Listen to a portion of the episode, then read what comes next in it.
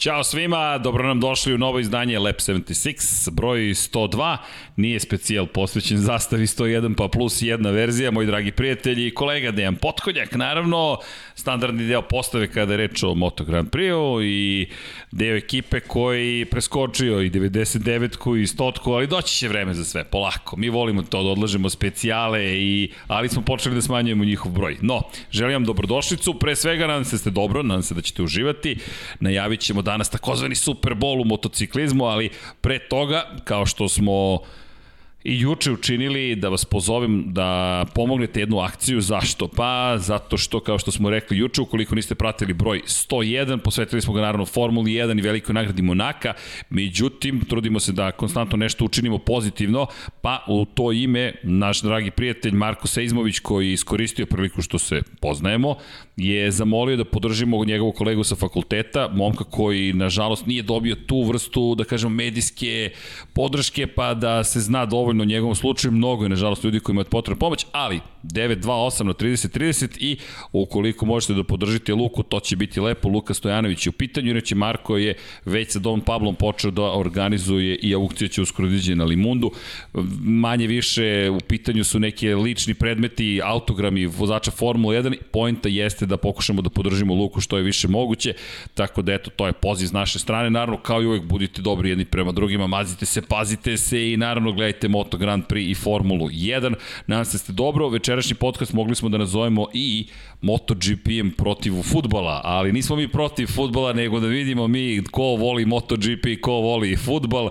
Činjenica je da i javilo se nekoliko gledalaca, hvala na tom, hej ljudi, večeras je finale Liga Evrope, je li tako, deki? Ja sam pogodio, ok, ispratio sam zbivanja, šalim se, pratimo mi zbivanja, pogotovo Dejan, Dejan sve zna šta se događa i zna sastave i jedne i druge ekipe i ko će pobediti, može da vam, da vam najavi, ali činjenica da ja nemam predstavu o tome, no, Pojnta Uvek su jeste... lude kombinacije.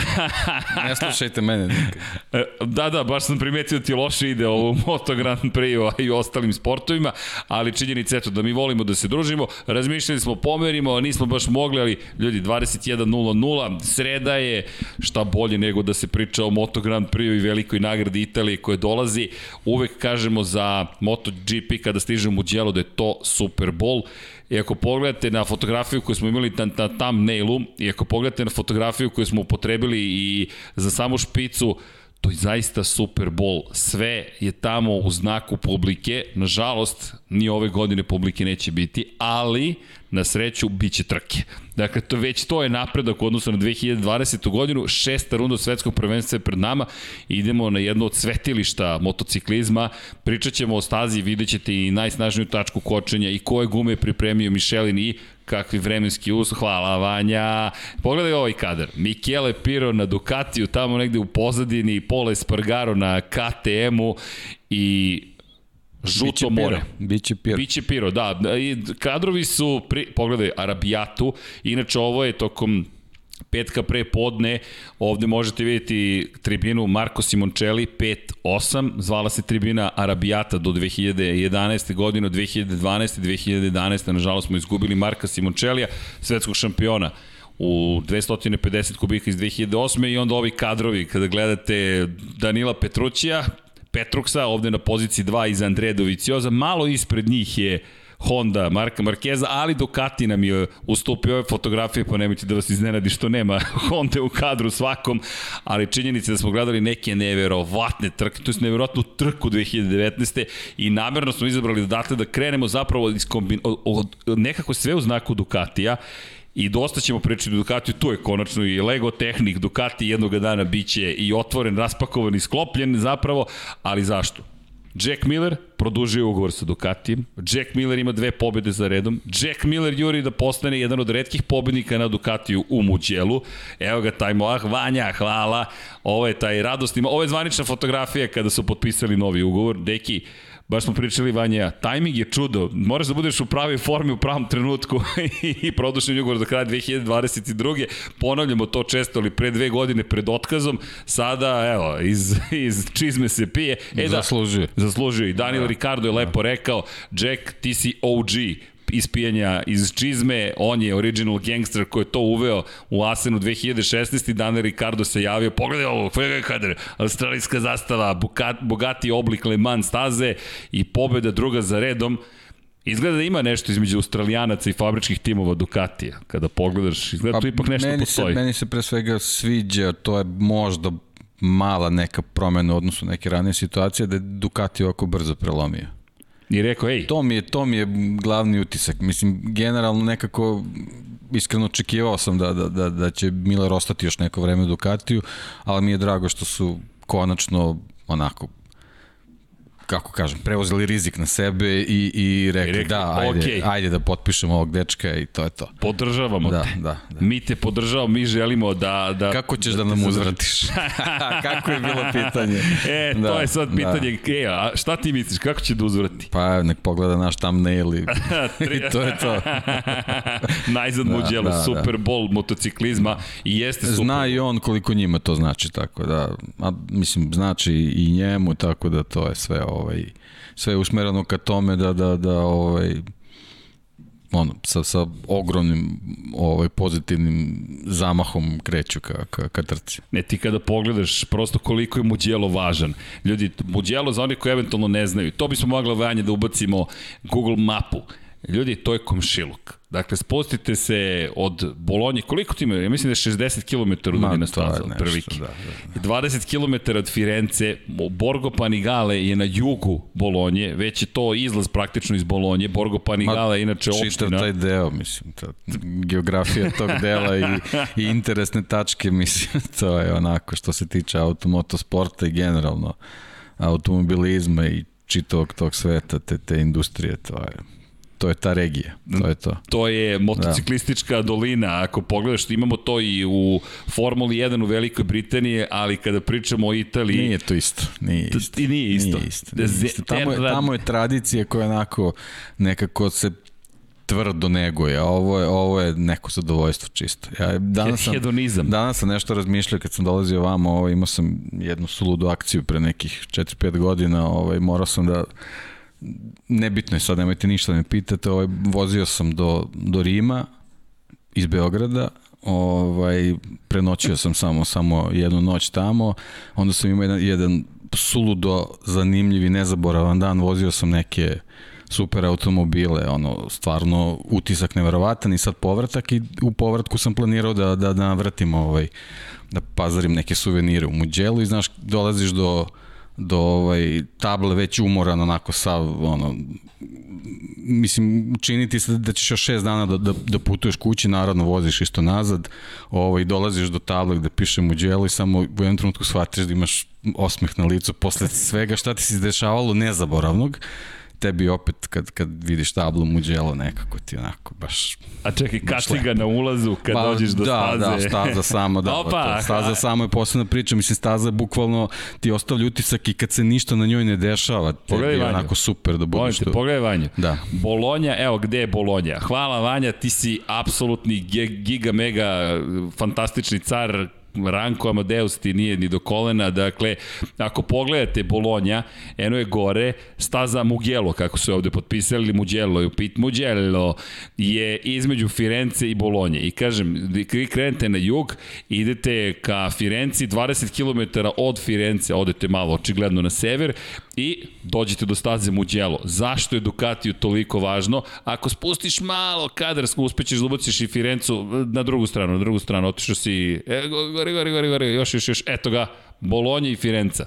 Ljudi, to je komšilog. A pogledajte desno, Rimini i San Marino. I sad ne, napravite pogledaš trougao. Pogledaš od Bolonje, kreneš desno, znači imaš Imola, Faenza i Rimini. Forli, Forli gde se da, rodio Andrea da. Dovizioso. Da. I gledaj, to je ta jedna dolina Terra dei Motori, kako je zovu italijani, gde imaš praktično sve, gore od Pjačence preko Parme, ne znam šta sve nemamo. Iz Bolonjeg i do Firenci generalno jedan od zanimljivih autoputeva koji su generalno dosadni. Da. Ovo, ja, to parče onako stvarno, Ima stvarno tu neka, da. nešto ređ, ređe, Ređo Emilija, pa onda imaš, kažeš, čekaj, uh, gde je ta Modena, gde su ti ljudi?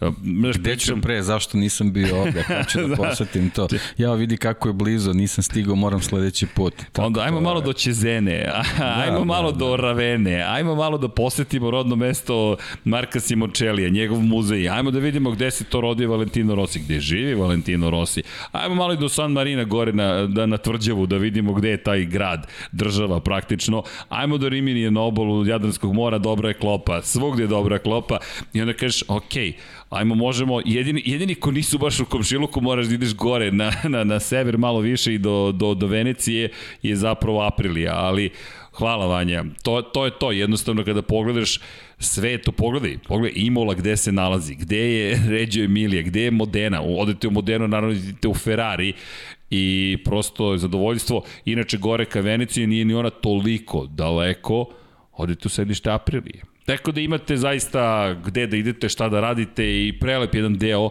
za sve ljubitelje auto sporta, morate da ga posetite. Posetite jednostavno Maserati, Ferrari, ne znam, Lamborghini, Lamborghini um, Ducati, birajte samo i zaista... Svaka, svaka fabrika, bar jedan muzej, ako ne Barem više. jedan, najmanje jedan muzej i onda pogledaš trke. Svaki grad, bar jedna vrhunska prodavnica autića, modela. Tako je. Tako I kada pogledaš, Svega. iako Monca nije baš tu u komšiluku, Monca je 1949. bila domaćin velike nagrade Italije i bila mesto gde su se vozile trke i u Moto Grand Prix šampionatu da, sveta. Da, baš kad si spomenuo Moncu, mislim, Mugello je Monca za dva točka, to je, to je jednostavno, to možda čak i nešto malo i više od Vidi, toga. Deki, kako znaš da je Mugello morao da postane hram da. motosporta? Prva godina u kojoj je Mugello organizovao veliku nagradu Italije, je Vanja pogađaj jednom.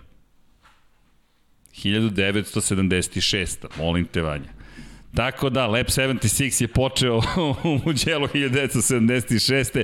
I od onda su se tu smenjivali malo Mizano, malo je još bila Monca, malo je bila, malo smo išli kako, malo je falilo da ta trka traje 76 minuta. Prilično dugo je trajala. Jeste, da, ali Mugello da. od 1994. ne silazi sa te pozicije. Mizano koji je u to vreme bio u ozbiljnim problemima i onda da kreće jedna nova istorija i pogotovo kada govorimo o Valentinu Rosiju koji je redefinisao pojam toga šta se događa u Mugello, čovek koji je pobeđivao 2002. do 2008. godine, Rossi, Rossi, Rossi, Rossi, Rossi, Rossi, Rossi, od onda međutim nije zabeležio pobedu, a kada je reč o Ducatiju, bili su izuzetno redki triumfi. Casey Stoner je pobedio 2009. Međutim, Andrea Dovizioso 2017. Jorge Lorenzo 2018. Danilo Petrući 2019. I kada smo rekli kada stignemo u Le Mans, bit će to Ducatijeva staza iako nema pobeda, mirisalo je na Ducati. Sad idemo na stazu koja ne da miriše na Ducati, nego je Ducati, Ducati, Ducati od glave do pete. I ono što smo rekli, bit će u znaku dosta Ducatija. Jack Miller je produžio ugovor, dve pobede za redom, juri treću za redom, Francesco Banja, njegov klubski kolega, u šampionatu sveta, ne samo što juri voćstvo, već juri i da pokaže, ej, čekajte ljudi, u fabričkoj ekipi Ducatija ima, ima još jedan vozač koji može da beleži pobedi, iako još uvek nema pobedu Francesco Banjaja, ovo mi deluje kao mesto gde bi smo možda mogli da vidimo neku malo agresivnijeg Banjaju. Ako se vratimo na 2019. i tu pobedu Danila Petruća, pobeda je bila sve ili ništa. Prva krivina poslednjeg kruga protiv Andreja Dovicioza i Marka Markeza. Ne protiv Andreja Dovicioza ili protiv Marka Markeza, i protiv Dovija i protiv Markeza.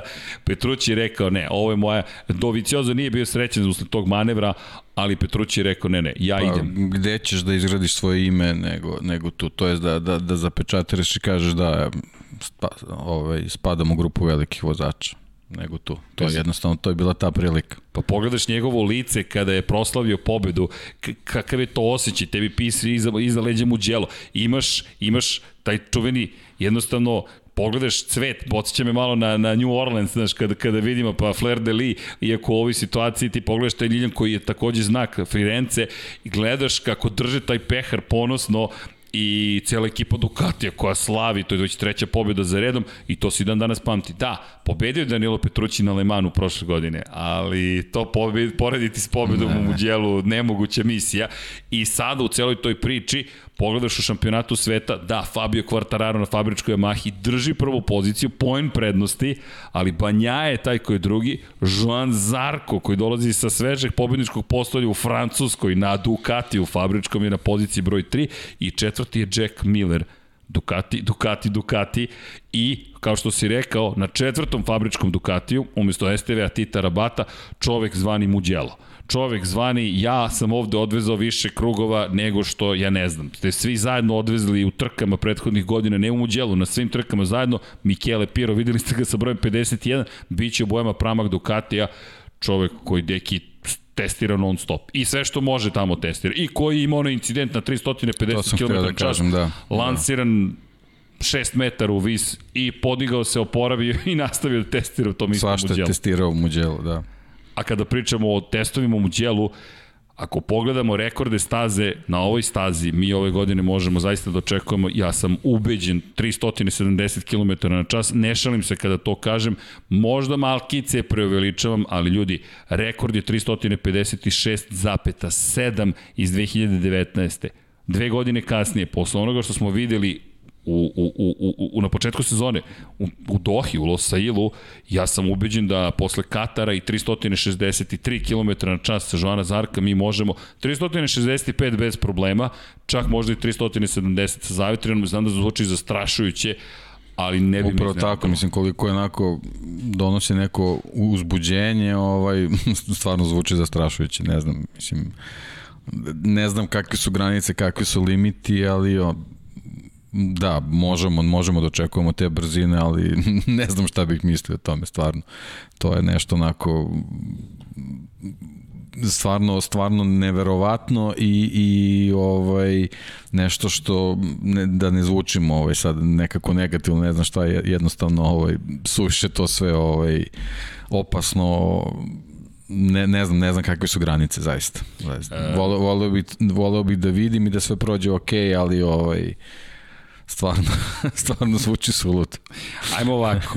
Joan Zarko ima koliko kilogram ima Zarko? Ima 69 kilograma. To je makar informacija koja je 67 kg javno dostupna. 157 kg je težak motor kada je prazan dodamo 22 kg što na litre, što za gorivo, što na, da kažemo, maziva. 246 km na čas. Ne zamerite, malo se igramo fizike i u megađulima ćemo da merimo. Ako izračunamo kinetičku energiju, to je 1,29 megađula energije koju će oni imati pri 370 km na čas. Čuvena formula MV na kvadrat kroz 2, a ako smanjimo to na 356, to je 1,2. Dakle, nije 1,3 skoro, nego 1,2. Mi, ljudi, mi pričamo o megađulima, mi pričamo o nekim nevjerovatnim brzinama i energiji koja je neophodna da od nule dođete do tih 370, otprilike 250 kg, eto, treba vam 1,3 megađula bilo jače od mene, moram ti priznati, da, morao sam da pogledam koje su razlike, a ako se spuštaš na 340, ogromna je razlika, 10%, i, i zaista je zastrašujuće o čemu mi pričamo, delo je kao, pa samo još 10, samo još 10, ne, ne, ne, energija, naravno kvadrat je u pitanju eksponencijalna funkcija, raste, tako da to će biti nešto što ćemo pratiti. I opet gledamo u Ducati.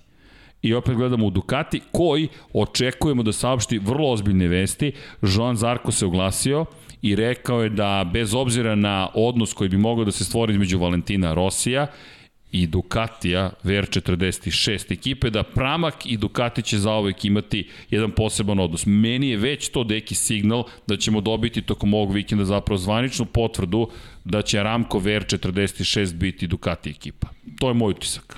U, u mnogo rečenica se spomenju zajedno. To je jednostavno vodi, vodi ka tome. E sad, kakva će ovaj, završna kombinacija da bude vezana za evolucije motocikala, vidjet ćemo. Ako je Ducati stvarno spreman za, za šest fabričkih motocikala, to je jedan korak koji zaista do sad nismo viđali, ne, ne znam, u redko kom automoto šampionatu. O, rekli su 5 plus 3. Pa dobro, da, da. Ali to znači ako je 5 plus 3, I 5, neko ostaje... Da. Neko ostaje s jednim privatnim motorom. Ako pretpostavimo da će VR46 ekipa imati jedan sigurno fabrički, i opet pet slažem se, bez presedana je situacija, mi dođemo do toga da Davide Tardoci, šef ekip, menadžer ekipe Ducati je rekao da su spremni za 5 plus 3. Dakle, tri stara motora dve godine ili godinu. Pa upravo to, to, to je ta evolucija koja? Koja? GP, kako, 20... Da, e, da Evo ga, hvala Vanja za kadar. Kadar koji smo planski izabrali, opet mnogo je veza ovde, kada već spomenjemo VR46 i kada spominjemo pa i te njegove silne pobede, evo, brate pažnju na kacigu. Čekamo trening broj 3, to si ti najavio još prošle nedelje, da vidimo koja će Rosija biti kaciga za Muđelo. U Muđelu Mizanu u subotu ujutro pred početak treninga broj 3 Rossi predstavlja kacige. Zašto smo izabrali ovu? Dva razloga. Rossi na Ducatiju sa brojem 46, Rossi u momentu kada uglavnom dobija batine, kao što možete vidjeti Krezub, izudaran i ne baš u onoj formi u kojoj bi trebalo da bude. 2011. i 2012. godina nisu bile godine u kojima je ostvario ono što, što je želeo, bio je peti inače 2012. godine na, na, na Ducatiju, najbolje plasiran Ducatiju koliko je to neka uteha, ali skoro 11,5 sekundi se nalazio iza pobednika i pored toga on na Ducatiju. Dakle, bio je šesti inače sezonu, pre 26 sekundi bio iza pobednika, ali u tom momentu Jorge Lorenzo, inače koji je dominantan bio na, na Yamahi, ali Yamaha, eto, već godinama unazad ne može da dođe do pobede. I sad Valentino Rossi je izubijan ponovo, izudaran, gotovo krezub, ponovo su to silni udarci, sada se spominju u nekom drugom kontekstu sa Ducatijem, pa ta priča o tome da će možda ipak ostati naredne godine, a idemo u njegovu djelo, delo je kao stanica na kojoj, kako god zna i ume, mora neku tu magiju da izvuče. Znamo da će biti gotovo nemoguće, ali opet, ako bi se negde pomislilo, 2016. je bila pre 5 godina, tada se borio za pobedu, 2018. je osvojio pol poziciju ovde. Dakle, ne govorimo baš o antičkoj istoriji Moto Grand Prix-a, govorimo nečem što se dešavalo, pa eto, prosto oči će po defaultu biti uprte u njega, evo je ona čuvena kaciga, dakle, na knjizi Zen The Art of Motorcycle Racing, ali ona čuvena, jedna od njegovih omiljenih i rekao je ovako izgledate kada ste na startno ciljnom pravcu u Muđelu. Ljudi, ovo je kaciga stara skoro 15 godina i ne smijem ni da zamislim kako će to izgledati ove godine. ja obožavam Muđelu, to je hram zaista. Ja, Vanja, znaš šta možemo da uradimo? Ajde pusti, molim te, Brembov, onaj moment i najsnažnija tačka kočenja. Čisto da vidite o čemu pričam u toj krivini broj 1 i zašto toliko sa nestrpljenjem čekamo. Hvala Brembo i na dozvoli da zapravo ovo uradimo, dakle najsnažnija tačka kočenja u Muđelu, dobrodošli na Autodromo Internacionale del Muđelu, vlasništvo Ferrarija, 15 krivina ima ova fantastična staza, 5245 metara dugačka, 23 kruga, srednje opterećenje kočenog sistema, međutim krivina broj 1 je logično najsnažnija tačka kočenja. Kada stižete na ovaj deo staze, zaista morate da budete spremni na sve, preko prevoja, pa blago u levo idete i dolazite do toga toga da je u 96 metara uz opterećenje od 1,5 sila zemljene teže negativnog ubrzanja smanjite brzinu sa navodno 338 na 93 km na čas. Nisam siguran da će biti 338. Znači, podaci biti... nisu tačni. Tako je. I očekujte do vreme 6 sekundi. Inače, provodite dosta vremena na kočnicama, ali prosto smo morali da bacimo pogled na ovo zaustavni put 317 metara je ukupno, ali eto tih poslednjih nekoliko sto, u poslednjih 100 metara pred ulazak u San Donato, a San Donato ide uzbrdo, to se če redko vidi u samim kadrovima preko televizije, vi dolazite sa 300 možda 70 km na čas i treba da se zaustavite na 95. Deki. Ta zaustavna brzina to je otprilike tačno, ali maksimalna sigurno nije. Sigurno nije. sigurno nije. Dakle, ja ne smijem ni da zamislim kako će to, to je ovaj, ne znam, je to jedno, jednostavno sve ovo šta si ispričao do sad pokazuje šta nam je stvari nedostajalo prošle godine najviše. Muđelo! To je to. Imali smo trku Formula 1, ali jednostavno to nije ovaj, to nije ta priča. Nije, evo stigao nam i Dom Pablo upravo sa nekim eh, rekvizitima iz Formula 1, ali Formula 1 sve je to okej, okay, ali Mugello pripada Moto Grand Prix i zaslužuje i novi asfalt i zaslužuje da, da bude u kalendaru. Zastrašujući mi je bilo, deki, da, da mi nemamo Mugello u Moto Grand Prix. Gledaš Formula 1, sve ok, super, ali ako može Formula 1 sa svojih 1000 konjskih snaga, koja će da počupa asfalt, da ode u Mugello, zašto ne možemo da dobiti motocikliste? I dalje nemam pravi odgovor na to pitanje, ali šesta ne, runda je pred neka, nama. neka konfuzija se izgleda izdešavala. Ne, ovaj, teško je kriviti bilo koga, jer znamo kako smo godinu prošlo imali jednostavno to, to je nešto što je nekom promaklo. Ne, ne, ne znam kako i ne znam na, na, na, na, na koji način, ali jednostavno sad u stvari vidimo koliko je to nedostajalo prošle godine u onoj ludoj sezoni da, da imamo taj taj Muđelo. To je... Me, predivni Muđelo, da, zaista da, preromantični. Da. Ok, nećemo imati publiku, da, patit ćemo zbog toga. Buka koja se stvar... Ljudi, ako imate ikada priliku, idite, to je više od motociklističke trke, više od Moto Grand Prix trke, više od sportskog događaja, to je ljudski doživljaj.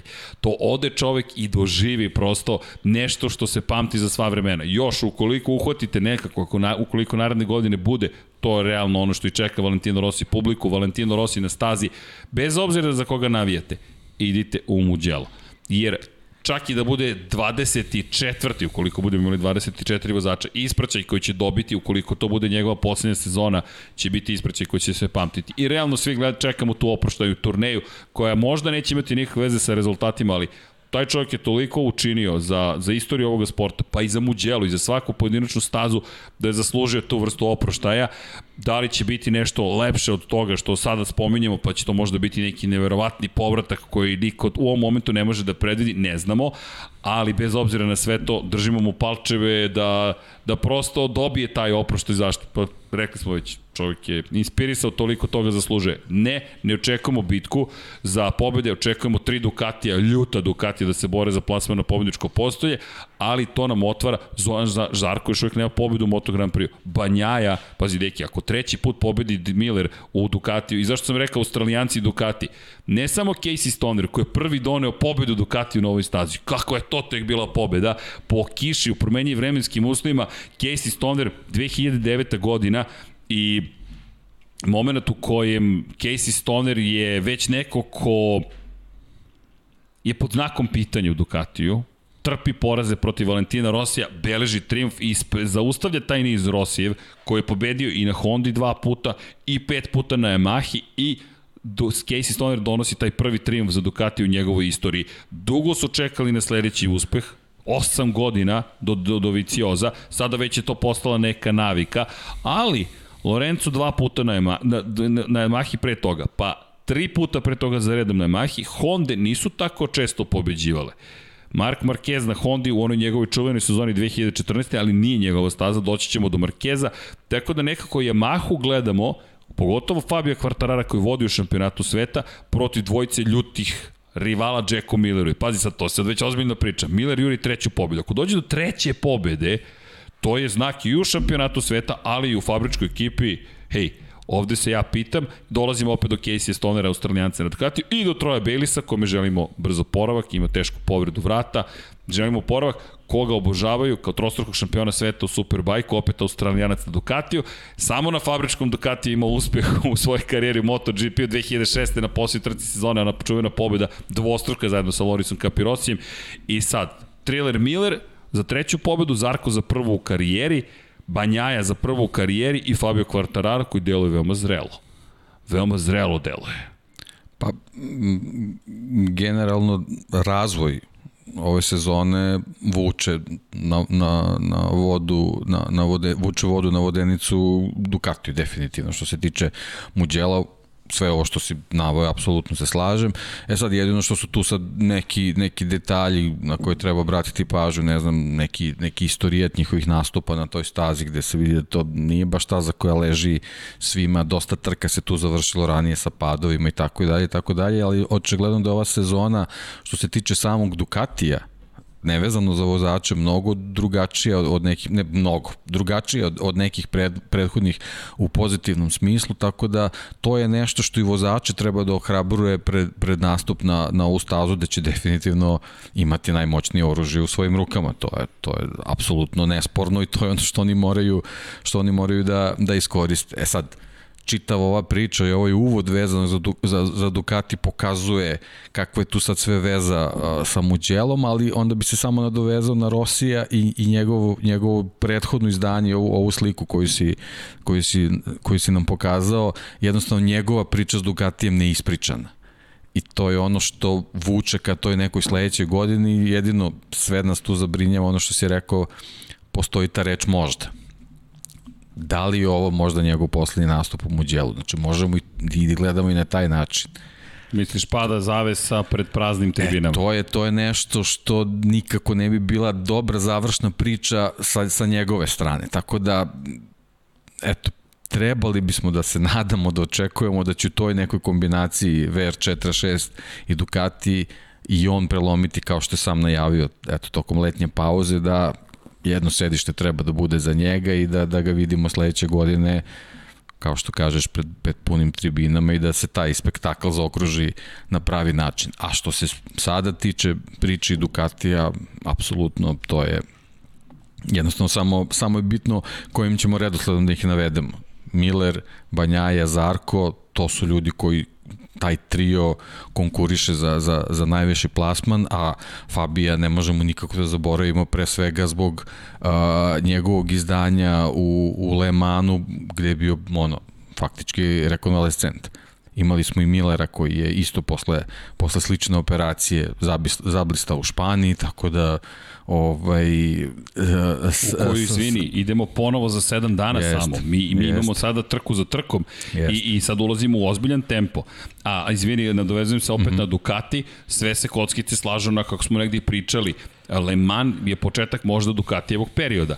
Stiže mu djelo kad pogledaš sad u ovom raspoloženju. Miller koji je potpisao, veliko pitanje, da li ugovor pomaže Milleru ili će reći, je ok, imam ugovor, sad može i opuštenije da se vozi. Nadam se da ne, verujem da je napravio jedan ozbiljan pomak u napred. Svi nekako, pričam sa dosta ljudi i svi su, nisam verovao Millera, ali sada počinje polako da mi okreće Ne, meni, meni onako malo razočarenje bilo taj početak sezona u odnosu na testove, ali kad smo videli u stvari šta je, šta je problem bio, jednostavno ovaj, ima, ima tu dosta, dosta opravdanja, jer, jer su ove vožnje posle bili onako prilično zrele, nije, nije bio klasičan Miller.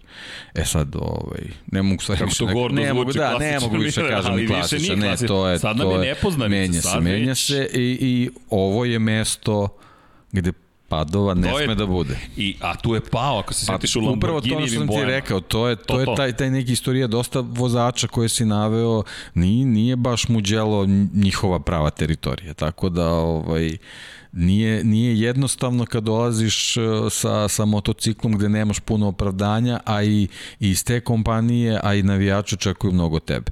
Ducati ne verujem da ima nekog posebnog favorita među, među vozačima. Njima je generalno verovatno sasvim se jedno. Bitno Ima je, motor, bitno kao je da Ducati, da Ducati, Ducati pobedi. E, a to je sad i neki dodatni pritisak na, na, na vozača, barem ovu trojicu koju smo spomenuli. Tako da sa te strane ozbiljno zanimljiva borba treba da bude. I, i kažem očekujemo ti, tako, ne, ne, ne, ne možemo da očekujemo ništa drugačije. I dodaš na sve to Fabio Quartarara koji je veoma stabilan da. i I znamo da Yamaha ume da se spremi za tu stazu. To, znaš koga izvlačim kao džokera? Kao ne džokera, kao vreme Vreme je za pozitivnog Vinjalesa. Tako je. Suviše trka prošlo za, za da bi bio loš. Vreme je za, za Vinjalesa sa krugovima u, u istom tempu. Tako je. Ili sada, ili da. one tamo nedelju u Kataluniji. Ukoliko tu ne uradi ništa, to je već trećina sezone završena. Sad smo praktično u trećini sezone, šest Mnogo je sad tu 19. ili ovde ili onde. Ne, moraš sad. Mora sada. Mora okay. sad. Mora sad. to je to. Muđelo. To je to mesto posebno u odnosu na Fabija odnos se značajno promenio. Fabio Quartararo je lider u toj ekipi sada. Samo su trojica vozača osvojili bodove na, na, na tri trke, na, na, na svim trkama, ali Vinjalis je ubedljivo najgori od njih, tako da... Inače, to su Quartararo, Banjaje i Vinjalis. Tako je, tako je. To su ljudi koji, koji su... Vinjalis je peti u šampionatu sveta. Znači, Quartarara spominjemo uz trio Ducatija gde i Banjaja, a Vinjalesa smo tek sad ubacili u priču. On to mora da promeni. I to na staru slavu. Da. I to a na ovo, ovo sad što pričamo sezone. mnogo me podsjeća na priču od prošle godine. Pa za Dežavi potpuni. Potpuni, potpuni već viđeno. Možemo da pustimo ne samo znam nije bio muđelo. Samo nije bio. samo e, nije ali bio čekaj, u retro smo stylingu, vidi, da. ovo su nam prve majice. Ni bez dogovora. Tako da ono već, već ovaj, ono, postanemo dosadni sami sebi a, sa načinom kako pričamo Izvini, o njemu. Ne, ne, to je nemoguće. Na način kako je... pričamo o Vinjalesu. Pa čekaj da, da završim. Što, okay. Nismo mi. Da, Ima pogledaj. tu ljudi koji nas slušaju još. Da, da, da, da. još. Uprkos finalu Lige da. Evrope, ali to je Lab 76 ekipa. Mi ljudi volimo motociklizam i MotoGP, a nadamo se da ćete ko, ko ne gleda u direktnom prenosu, da će ispratiti kasniju snimku. No, Tamo je 0-0 ovde. ovde je 7-6. Ovde je zanimljivije, da, da. ovde je uzbudljivo. A pazi, Vinjalesa izlačimo, nemam pojma šta da mislim o Vinjalesu. Iskreno, nemam predstavu šta da mislimo o Vinjalesu, s obzirom na činjenicu da neka trka mora doći, ali to je sada kao kada u 99 yardi najavljujem pobedu New York Jetsa. U jednom momentu će pobediti. U nekoj od 16, 18, 17 nedelja će pobediti. Isto tako i s Vinjalesom. Čekaš, čekaš, čekaš. Pobeda, peto mesto, deseto mesto, sedmo mesto, deveto mesto koji god da su izgovori, to je neprihvatljivo. 24 pojena zaostaje za Fabian Quartararo. Svaki put je ponovo neki drugi izgovor. I uvek je neki Tražim problem neku tačnu gde on tačku nije, kočenja, gde on nije nisam ništa dobro startovao, ni, stalno isto. Stalno isto. isto da. Ali okej, okay, nekako kao da bi mogao biti... Najgore od svega je što ne možeš da imaš takvo opravdanje zbog kvarterarovog izdanja. To je jednostavno Koji je lider veliki problem, veliki problem, da. I drugo, Yamaha sa Frankom Morbidelim incidentom koji ima u Le Manu i Rosim koji je potpunosti van forme, mora da se osloni na Fabio Quartarara kao najpouzdanijeg člana ekipe, a uz celu priču o Ducatiju, Ducati vodi u šampionatu konstruktora uz rezultate drugi, drugi, drugi, pobeda, pobeda. Yamaha je pobeda, pobeda, pobeda, treća, treća.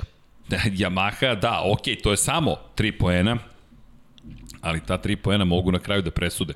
Tri pobede za Yamahu, dve pobede za Ducati. Ducati ako zabeleži treću uzastopnu pobedu, još idemo u Kataloniju, to jest na snazu Katalonija u Barcelonu, gde opet Ducati bi mogao doći i tekako do izražaja. Dramatična situacija, mada je tamo Quartararo pobedio prošle godine. Ali, čisto da zakomplikujemo stvari još malo pre nego što pređemo na svetskog šampiona i pitanje zapravo Vanja, daj onu fotografiju da vidite pre dve godine kako su stvari izgledale. Obratite pažnju na gospodina u kadru koji prati tri, trio koji spominjemo. Ili ti samo se pobednici pamte. U ovoj trci Alex Rins nije bio mnogo daleko. Naprotiv, 2019. godine Alex Rins u malo nije došao na pobedničko postolje. I drugačije bismo ga spominjali, ali kada zakasnite pola sekunde u Muđelu, budete četvrti ili ti potpuno zaboravljeni. Evo baš gledam rezultate, 43.000 dela sekunde Marquez zaostaje za pobednikom, čudno mi čudo, broj 43 pripada Jacku Milleru, čisto je to, ako tražimo neke brojeve, 30 tinki Andrea Doviciozo, pola sekunde Alex Rins. Alex Rins u onom kadru mogli ste da vidite, hvala Vanja, je tu, deki, sa Suzukijem, pre dve godine. Tako da, iako rezultati to ne govore, Suzuki možda, pre svega Joan Mir, mada možda pre Alex Rins. Alex Rins, pošto je toliko sada loših imao trka, može da dođe jedna ona trka kada je na samom vrhu. Pa ja ću ti reći da, evo, imamo i tu sliku, upravo zbog te trke, ja ga i dalje ostavljam u... U fantaziju. Tako je. Ao, Vanja, vidi kako se namestio kadar. Šta ti kažeš? Hoćemo odmah da iskoristimo priliku, Vanja. Spremili smo. Pogledaj ovo. Floyd nam vodi u fantaziju. Serceg je 413. Ne poznajem gospodina. Ne znam ko je taj. Pezotka Racing je iz Norveške, ni manje ni više na poziciji 2 i Sena RT iz Bosne i Hercegovine na poziciji broj 3. Svaka im Svaka čast. čast. Pogledaj ovo Sena RT 176,5 poena u prethodnoj trci. Nemam pojma šta je čovjek učinio, ali ostali samo dugmići od svih nas ostalih. Eto, Pa boga mi duplo si omanuo. Deki, štedimo boost. Kako si zasmeo Vanju. Pa, ja. Vanja koji se smeje. Ja mislim da si stigao i do mikrofona, Vanja, ali hvala. Ali Floyd, vidi ga Floyd, kao Quartararo, nema popuštanja. Floyd, za, ali pogledaj, oni su potrošili su boost. Razumeš, ja ti rekao, Da, da, navlačim da. ih, navlačim ih. Šta ti je, ovo Tek lagano, da. tek se zalećim. Pazi, mi prosek pojena, 72,8. Ali ne zaboravite, nisam učestvovao u prvoj trci. Pustio sam ih. pustio sam sve ostale. Gde sam pustio? Zaboravio, ali dobro, od svih silnih stvari, takve stvari se dešavaju. Dakle, u tvom fantaziji ostaje Alex Da, Rins. to, to izdanje iz 2019. on isto ovaj, bio prilično daleko na gridu na, na, na startu i, i, i u ovom, po ovom nekom receptu Suzuki na kojeg smo već navikli, on je u Muđelu uspeo da stigne nadomak pobedničkog uh, postolja što jednostavno dovodi, dovodi do zaključka da i Suzuki i Rins znaju kako tamo trebaju da nastupaju. Tako da, ovaj, eto, ako sam do sad im pružao priliku, mogu, mogu još jednu trku da, da žrtvujem. Nemojte. Poslušajte nemojte, gospodina. Nemojte, nemojte, nemojte. nemojte. Samo je tipovo na Zarka koji je samo 12 poena iza vodećeg u šampionatu da. sveta. I, i, I da nije bilo kvara. Da. da nije bilo kvara. Da, da, da, to ne smemo da zaboravimo. Da zaboravimo. Jedini da. koji imao problem te prirode među vodećima je Zarko. Kvar na, na elektronici, menjač prebacio dve brzine umesto jedne i Zarko izbačen sa trke u Portugaliji. Inače, da je bio i treći u toj trci, on četiri pojena prednosti ima odnosu na kvartarar. Čak i, da, imao bi četiri pojena prednosti. Ne bi, ne bi koštao pojene kvartarara samog. Tako da, Zarko, ako bi pobedio, uh, vraćamo se opet na Ducati. O, kako će to biti bitka. No, Joan Mir je na drugom Suzukiju, šampion, izleteo sa staze u ranoj fazi i znaš šta mi se još desilo? Čovek koji veliki navijač eh, Marka Markeza i Ferrarija, kaže za Banjaju da mu izgleda kao Joan Mir prošle godine. Kaže, a to je ono što si ti pričao. Banjaja je uzeo recepturu broja 36 i treći, šesti, drugi, drugi, četvrti. Završava i trke, doći će i pobede. Da, prošlogodišnje ova titula Mira, mislim da su mnogi vozači uzeli kao zanimljivu lekciju i kao nešto što treba proučiti i primeniti u određenim trenucima. Banjaja je precrtao. Ali da li, izvini, Mir može da primeni Mirovu taktiku iz 2020. godine, sada? Pa znaš kako, ako su ovaj, napredovali vozači koji su se sad prilagodili toj nekoj situaciji gde je on najbolje odreagovao prošle godine, a sa druge strane i, i određeni motocikli napreduju u odnosu na njegov, koji ni prošle godine nije bio dominantan, to je sad već malo teža situacija. Dobro, da, ali, ali, ali nije nemoguće 31 ništa. 31 da, poen, međutim da. imam utisak da sada bukvalno, sada bukvalno mir se, kao što smo rekli, sada moraš Izleteo si sa staze u momentu kada to nisi smeo da priustiš. Razlika je ogromna odnosno na prethodnu godinu. Proš, ne prošlo nedelja. Kad ne prošlo pred, nedelja. Pred dve nedelje. Pred dve nedelje trka, da, da. Ne, ne, ne. Prošla trka je jedna od, od loših, generalno ne, ne samo zbog, zbog neplasmana, nego uh, njegovo hendlovanje situacije i snalaženje baš je bilo onako netipična njegova i, i ono, ne verujem, ne verujem da će moći da ima tako, tako lošu reakciju kao što je imao u Le Manu. I to jednostavno nije tipičan mir. I koliko košta u celoj priči Brivio. Da. Znaš šta me razmišljam? Možda u fantaziju treba da se ubaci zapravo šef ekipe. Koliko znači šef ekipe? Jer mi ne znamo trenutno da. koliko je odsustvo Brive, možemo samo da nagađamo uticalo, ali imam utisak da je ovo kao kod se trka moraš. Zašto? Mnogo je velika razlika odnosno na 2020. godinu. Prošle godine niko nije znao šta da radi. Svi su bili pogubljeni. Kvartararo pobeđuje pa nestaje. Vinjales pobedi, ali stalno ti usponi padovi. Doviciozo, prosečne trke. Marquez povređen, nema ga. Rossi van forme, Morbidelli dok se pokrenuo, pa i incidenti, Zarko tek stigao u Ducati, povremeno dobre trke, pa ali... Pa incident. Tako je, incident. Pogledaš, otvarale su ti se stvari. Rins koji može da te ugrozi, padne, pa još jednom padne prosto se poklapaju kotkice, a ti odrađuješ svoj deo posla. Petrući, van forme, jedna pobjeda, divna pobjeda, ali nema borbe za titulu šampiona sveta. KTM-ovi, gore dole, povremeno pobjede, ali to je to. Pa sporadično je generalno kod svih bila priča. Tako je. Ali I svi su imali neki loš period, neke 3-4 trke gde je stvarno posle bilo teško da se, da se to nadoknadi. On je jednostavno onako baš, baš ovaj, uh, uh, svaki trenutak je koristio gotovo maksimalno. Tako da to je, to je bila jedna od sezona koja jako teško može da, da se ponovi, ja kažem, mislim, svi napreduju, pritom su se mnogo bolje pripremili za ovu godinu koja je dosta slična i onda težak je posao za mir. Evo, upozorava me Vanja, Slack, Slack, bila donacija, izvinjavam se, nisam video, ali pitanje, da li će Rossi da se penzioniše sa 46 godina? O, imamo i tu opciju. Mario Vidović, imamo i tu opciju, se tek oprosti da, da. za 46. Da. Mario, postoji, postoji pa, opcija. Postoji mogućnost, da. možda se mi penzionišemo sa 76, ali čekat ćete do tada. Ali činjenice, doći ćemo Mario ponovo do vas, a hvala na podršci. Inače, evo prilika, like, udrite i subscribe i sve ostalo. Zašto? Pa zato što je to tako lepo. I da, Luka 928 na 3030, to ćemo takođe ponavljati. To je neka priča koja koja je, važna nam je. Važna nam je cijela priča o zajednici, onome što radimo i ta ljubav prema automotosportu. Meni je dirljivo da je Marko e, iskoristio priliku to što, što nas poznaje, da kaže ljudi možete da mi pomognete za nekoga ko, s kim studiram. Dakle, radi se o tome da, da daje nešto što su njemu važne stvari, možda u nekom kosmičkom pogledu, ne, u kosmičkom sigurno su predivne stvari, možda u nekom realnom svetu, kažemo da li je to vrednost e, to, potpisane kacige, nije, ali jeste iz perspektive emocije koje to budi. Tako da i molim vas eto za Luku podrška potrebna je svakom od nas ponekad je potrebna podrška, evo mi se trudimo kao zajednica. S druge strane kada pričamo o podršci infinitylighthouse.com kroz shop, tako da majice su tu, pa eto, to je, spremamo još neke stvari, ali rekao mi Deki, nemoj da govoriš dok nije spremno, tako da nešto spremamo, toliko smem da kažem, eto. U svakom slučaju, vraćamo se mi na ovo što smo pričali, mir koji je došao do toga da ne može da primeni istu taktiku. I meni je to sada fenomenalan izazov. Hoćeš da budeš višestruki šampion sveta. Šta smo pričali prošle godine? Titula je ogromna stvar, ali višestruki šampioni, pogotovo oni koji odbrane titule, su na posebnom jednom mestu. To je kao eksponencijalna funkcija. Dođeš do titule, to, to je ovako, op, skočio si odbraniš titulu, opa, od tri titule. I sad sedam. ponovo se vraćamo na priču, ja ću možda već biti dosadan koja delo onako, ne kao marginalna. Ne, ne, ne delo je kao marginalna koliko je bilo važno da stavi broj 1 na svoj motocikl. On se sad utopio potpuno Možda sad u grupu vozača. Da. Broj 36, da. meni je žao, poštujem zaista Johana da. Mira. Dve titule šampiona sveta, jedno moto trojkama, jedno moto Grand Prix.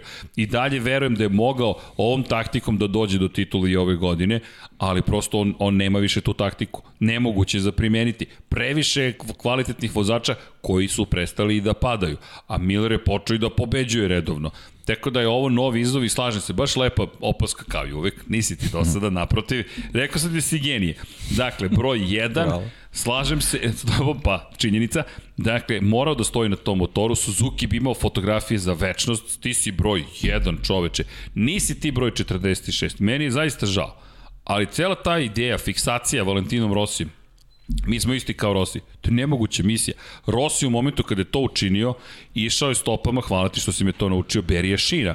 Beri Šin je ljudi jedno posebno ime i prezime. To je čovjek, evo, pre neki dan sam retweetovao fotografiju, da li mi veruješ da nisam ni primetio da pravili su zapravo bila je fotografija i sa naslovne strane nekog britanskog časopisa šta je sve polomio na sebi, cena toga da si šampion, Prvi pobednik u Muđelu. Prvi pobednik, 76. 76. To, deki. Vidiš, sve to, sve to, everything is connected.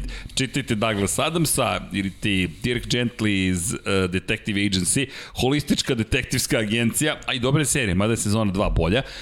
Ja, moram da Ne, da bolje da sad ne ulazimo. Gledao sam, jel te, Army of the Dead. Mislim da je potreban specijal o tome, ali to će biti klasičan rent. U svakom slučaju, kada govorimo o Beriju Šinu, čovek stoji i sad iscrtano po njegovom telu šta je sve slomio. Cena toga da budete svetski šampion. A u desnoj ruci cigareta na naslovnoj ja. strani neko je komentarisao, ali pljuga. Pa James Hunt. Da, to, je, to je ta, to je, to je ta ta paralela njih dvojice. Da. To je ta era da. kada su vladali Playboy. I bili su oni komentatori sve, to je ta priča. To je ta cela priča, ali Beriš... Rupa na kacige. Rupa na kacige, da, to je da, za da, Kekija Rosberga, da, to je fenomenalno. Berišin je to isto radio. Isto ima. On je bušio, da, da, da. bušio, uzmeš lepo burger. Znaš kako, to je bilo vreme kad staviš kacigu, sedneš na motocikl ili sedneš u bolid, ne znaš da li ćeš vidjeti kariranu zastavu, tako da to je to treba razumeti, to je bilo stvarno posebno vreme i zato su oni takvi heroji i zato je se taj sport i uzdigao na taj nivo popularnosti upravo zbog e, takvih ali ljudi. to me vraća na Valentina Rosija, koji u momentu kada bira da nosi broj 46, mi dolazimo posle,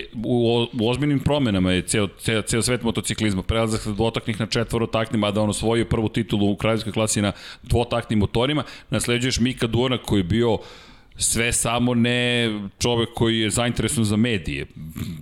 Nevažni su mu bili mediji u potpunosti. Žurke, provod, brzina, sve je to u redu, ali da se on pojavljuje medijski kao što se Rossi ne, i onda Rossi koji zadržava broj 46 koji je kultni. Koliko god da je Mir veliki šampion, 36 nije kultni broj.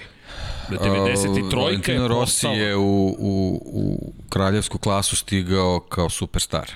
Već je bio superstar, tako je. Mir je za sve nas bio iznenađenje kad se pojavio. I to jednostavno ne može, ne može da se poredi, ne može nikako da bude isto i mislim, eto, čisto da, da, da, ovaj, Da zaključimo, zaključimo tu temu. tu, tu, tu temu, eto, ponovo se vraćam i vraćat ću se do kraja sezone, zašto je na tom motociklu trebalo stoji broj 1.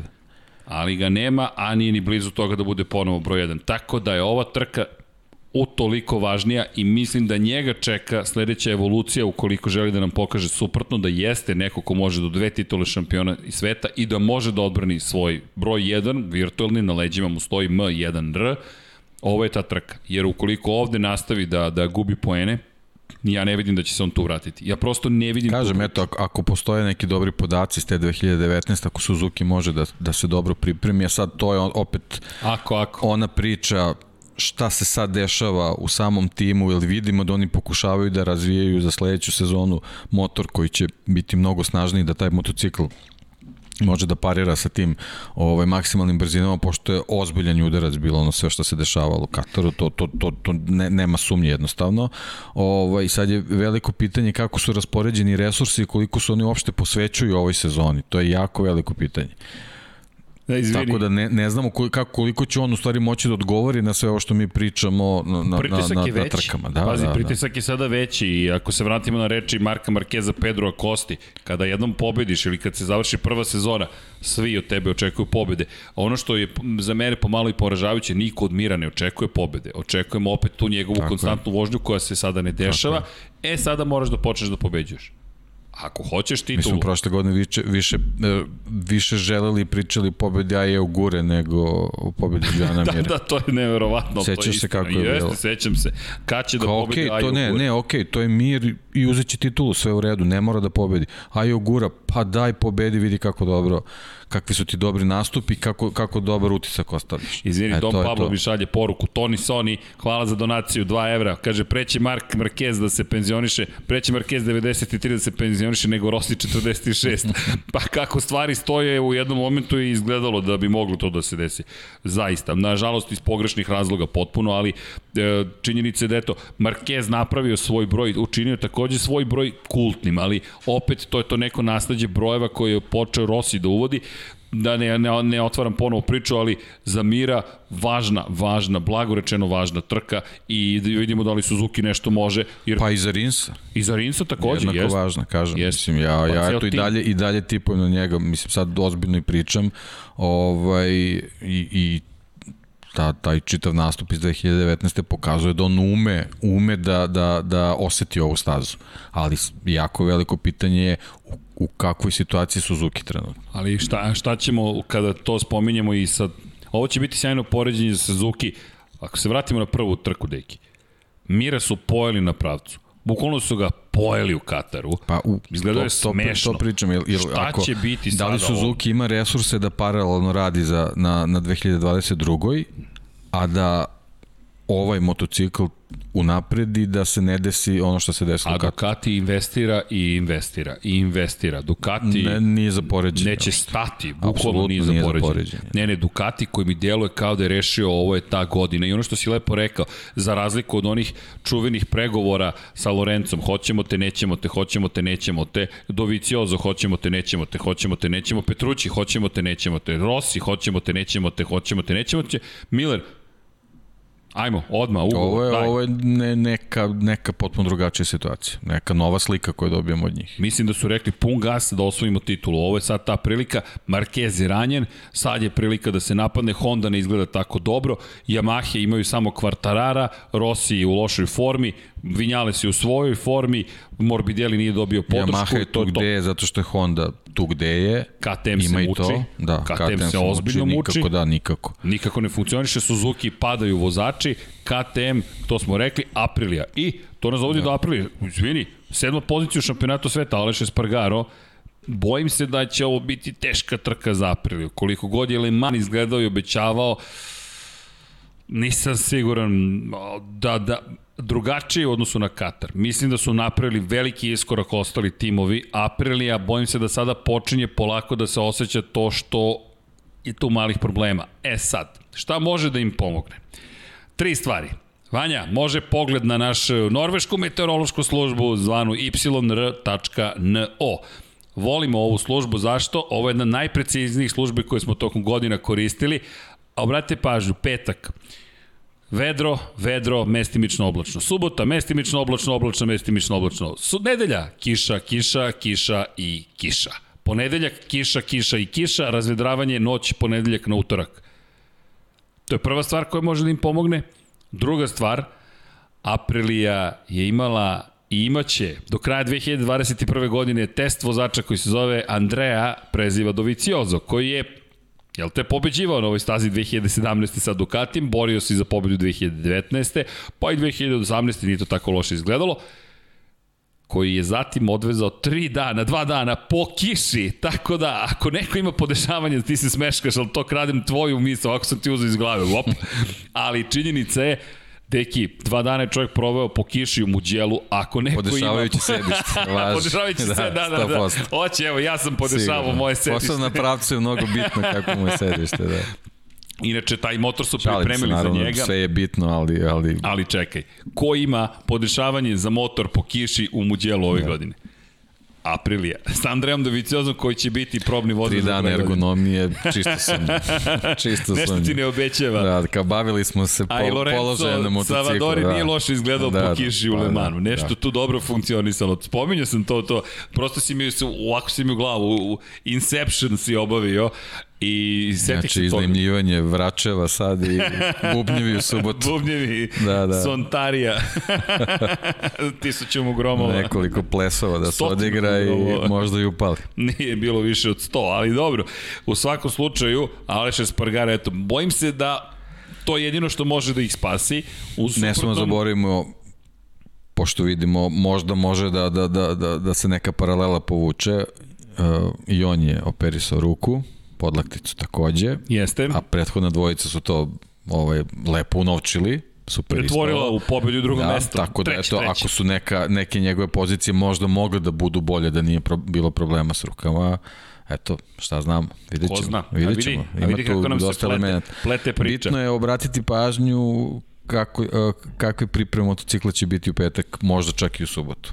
Da vidimo s čim će sve izlaziti na stazu. Čekaj, Q1, Q2. Da, da će biti neko crevo malo polivaju stazu. I Lorenzo Savadori, da. koja, mada istini izvolj, zaista je bila dobro vidjeti Lorenza još i na domaćem terenu, da. je Italijan, ko zna. Međutim, priča se plete. Kada pričamo o kiši, ko je čovek koji je doživio dva pada po kiši i bio besan na sebe što je mogao da pobedi u prvoj i drugoj situaciji, makar iz njegove perspektive, Mark Marquez.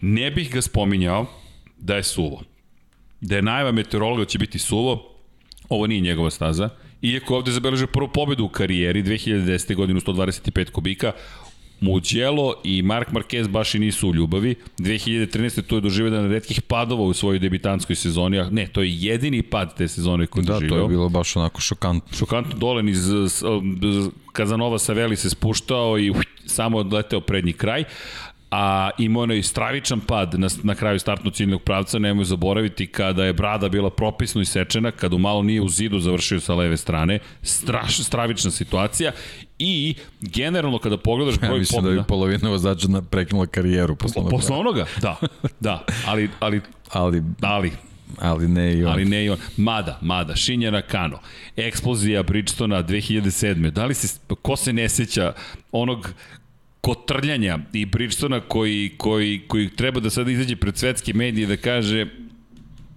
pa bit će bolje. Shinji Nakano, sve sa onim očima na kacigi. Ako se pitate šta je jedna od stvari koja je ovaj, odvratila Kawasaki od Moto Grand Prix, pogledajte taj pogledajte trenutak. taj trenutak, da. Taj trenutak pogledajte. Strašno, ali baš je strašno. To, to je tada bilo zastrašujuće. Pričat ćemo Kawasaki. Pričat ćemo, I o da, pričat ćemo, pa dobro, i o komunikaciji posle trke, bilo da, je da, lepo da, videti. Da. da, pričamo o Superbajku, naravno, ko čemu Dejanu Superbajku i u svakom slučaju i nije nikada dosadan. Samo da se razumemo. I o stotoj pobedi, naravno, jednog velikog gospodina. U svakom slučaju, kada pričamo o, o startnom ciljnom pravcu i Marku Markezu, da, imaju taj ružan pad. Markez 2014. jeste ovde pobedio, ali nije posle pobeđivao, prosto nije njegova staza. Međutim, po kiši, e tu se sad stvari komplikuju. Mnogo se komplikuju. Videli smo da je i dalje stari Mark Marquez po pitanju to rešenosti da se bori za pobedu. Videli smo da je spreman da rizikuje ponovo i ponovo i ponovo. Prosto to je Mark Marquez. I po kiši na stazi koja je opasna, dugačka zahtevna, sve je moguće. Tako da, ostajemo, postavljam po strani negde šanse ovoga puta Marka Markeza, mislim da su značajno, da će značajno skočiti ukoliko zaista bude kiše, Naravno, mi ne znamo, danas je sreda, najmeteorologa je takva da, da govori u prilog tome da će biti kiša, ali stvari mogu da se naravno promene, tako da nećemo znati sve do, do nedelje popodne, u suštini po kojim uslovima će se voziti u trci ali u slučaju kiše veće očekivanja. U slučaju toga da bude suvo od Markeza ne očekujem previše.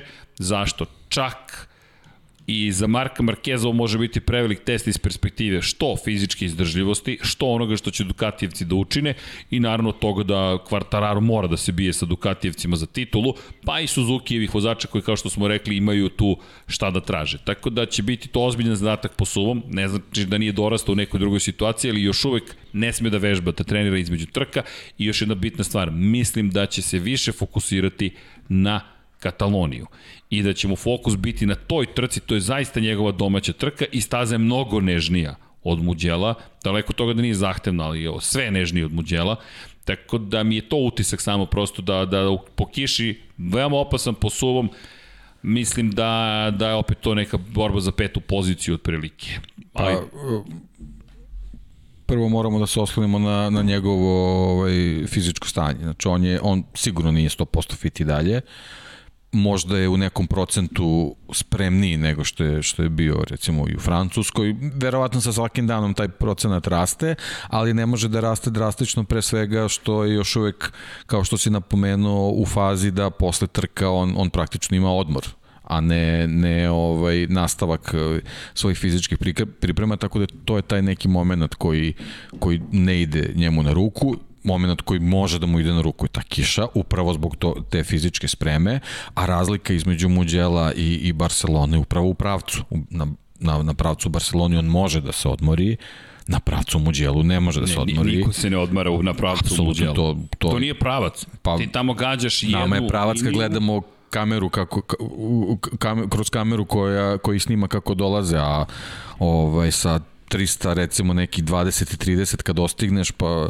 ovaj kad kad se shvati koliko se tu suzi, suzi vidi pa imaš onaj prevoj pa onda imaš već već pomeru promenu položaja to to nikako nije pravac a, a posebno ne situacija u kojoj se odmaraš tako da to su dve potpuno različite stvari ovaj posebno iz ugla Marka Markeza, tako da upravo to što si rekao, ako, budu, ako bude suvo i budu idealni uslovi, teško da će moći da parira momcima koje smo naveli kao favorite. Ako budu neki slični uslovi kao, kao u Lemanu, siguran sam da, da, da, da će gristi da se nađe u vrhu. Teki, ovo je strašna staza.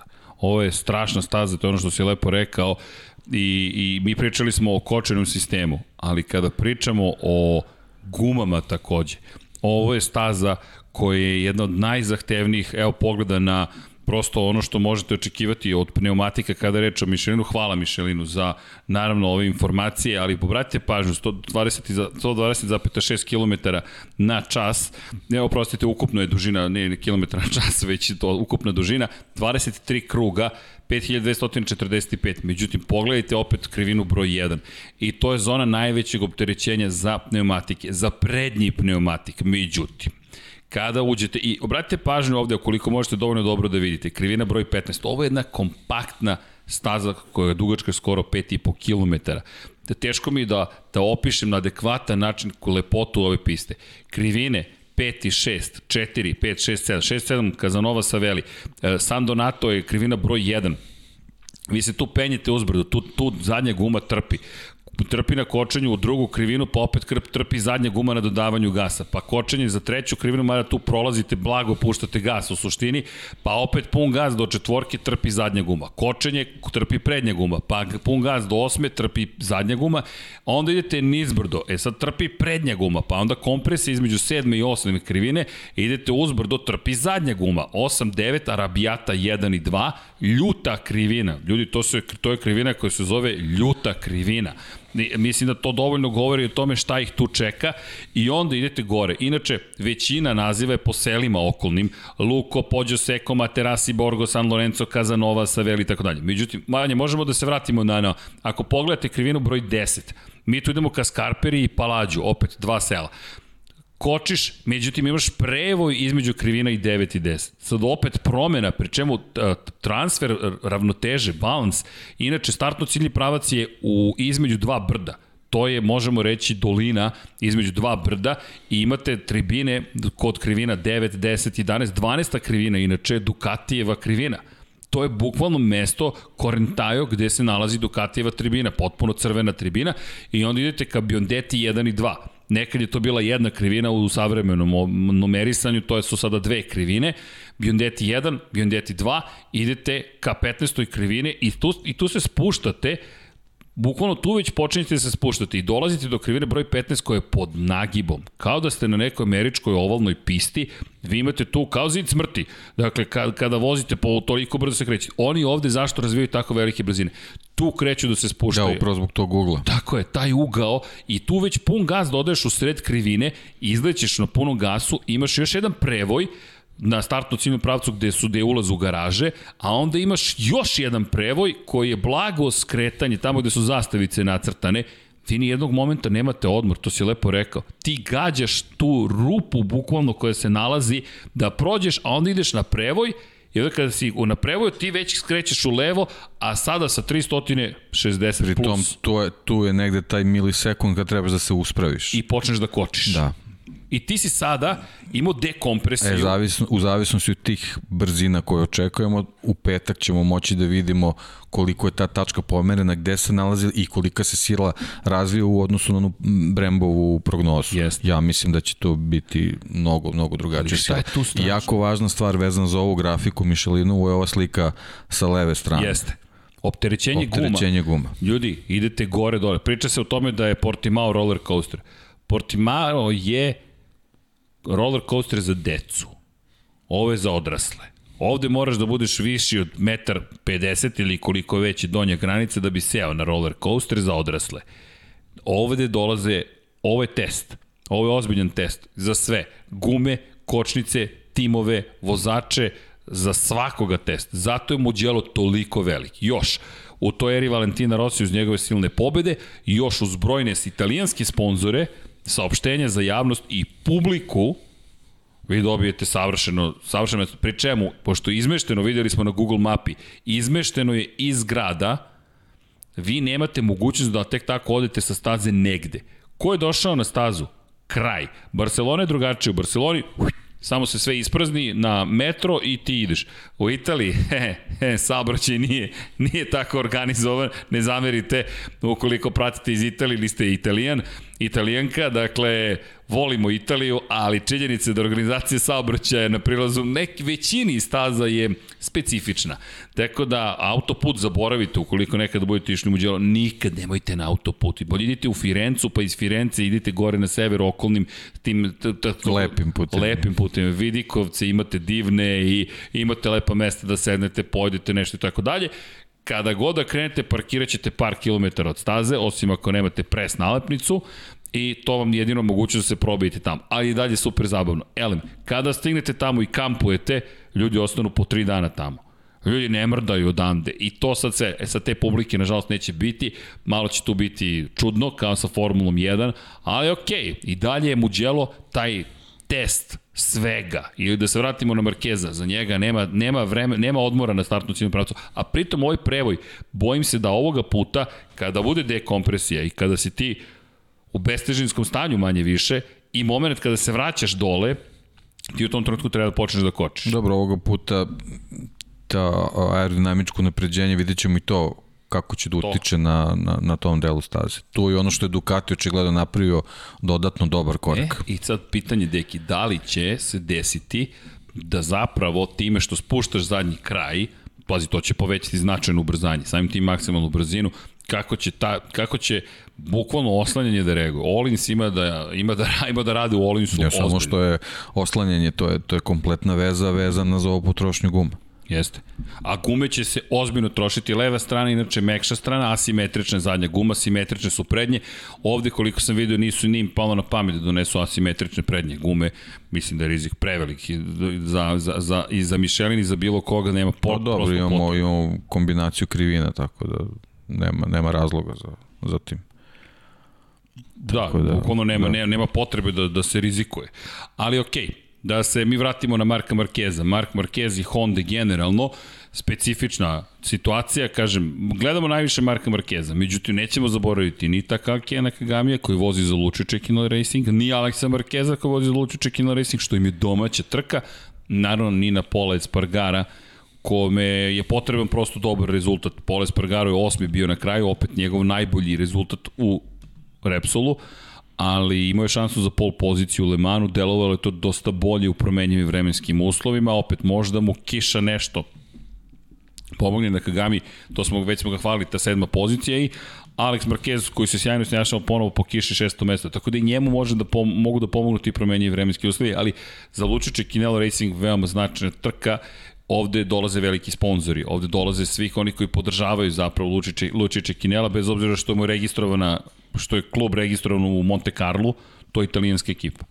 Iako zvanično se vodi kao tim iz Monte Carla, ali prosto ovde dolaze sponzori, neće ih ovoga puta biti, ali će pratiti ili će možda biti neki prisutni uz odobrenje Dorne da potpišu ugovore. Tako da je to za njih velika i važna trka. Pa da, i za pola, kad se ga već spomenuo, pa eto, setih se ja, ovaj, on je jednostavno nije imao neku specijalnu priliku da, da ovaj, ima neko dobro, dobro izdanje u Muđelu s obzirom da, da 18. 19. i 17. on je praktično testirao KTM, tako da to, to nisu bilo, to je, to je neka faza ispod faze u kojoj je Aprilija recimo trenutno, tako da to je bilo onako baš, baš teško, ali generalno on je uvijek bio najbolje plasirani KTM, tako da možda možemo da očekujemo da njemu čitava ta priča odgovara, pa ovaj, da vidimo kako će on da, da koristi te spletove brzih krivina, gde Honda ako, ako je, ako je ovaj motocikl recimo unapređen ili je na nekom nivou ovaj, sećaš se Markezovog izdanja recimo iz Aragona kako se taj motocikl tu ponašao, možda, možda možemo nešto i tu da očekujemo od njega. Da, poslednja pobjeda Honda da, 2014. Da. godine. Baš da. je davno, Honda mali broj da, da, teško je, da. Mislim, ja ne, ne pričam ovaj, u kontekstu Pola Espargara sad nešto da, da pričam o nekoj pobedi ili nešto, ali, ali neko, neko malo bolje izdanje, nešto, neka malo veća količina bodova, zašto da ne. I, i opet ista priča kao sa Markezom, da. ide kući.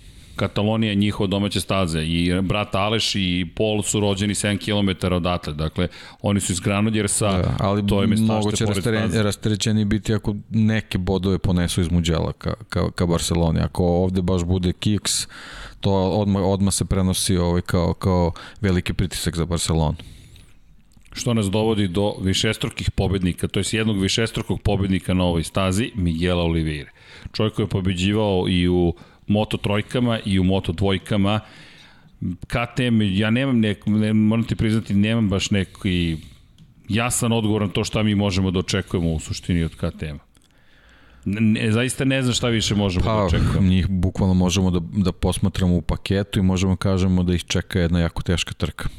Oni definitivno još nisu savladali ovaj tajne pneumatika koje su dobili za ovu godinu, ne, nekako to ne ide, ovaj, ne uklapa se dobro u, u, u priču sa ovogodišnjim motociklom, a ovaj, Petrućevo dobro izdanje u Le Manu je očigledno vezano za Petruće, Le Man i Kišu. Mislim, jednostavno nije, nije toliko ovaj, do, do neke bolje pripreme motocikla u odnosu na nešto ranije, tako da ovaj, dok su suvi uslovi teško, ako budu nešto, nešto loši vremenski uslovi prema prognozi, možda samo od Petruće možemo da očekujemo nešto malo bolje plasmane, s obzirom da i on ima neku lepu istoriju iz, iz Muđela.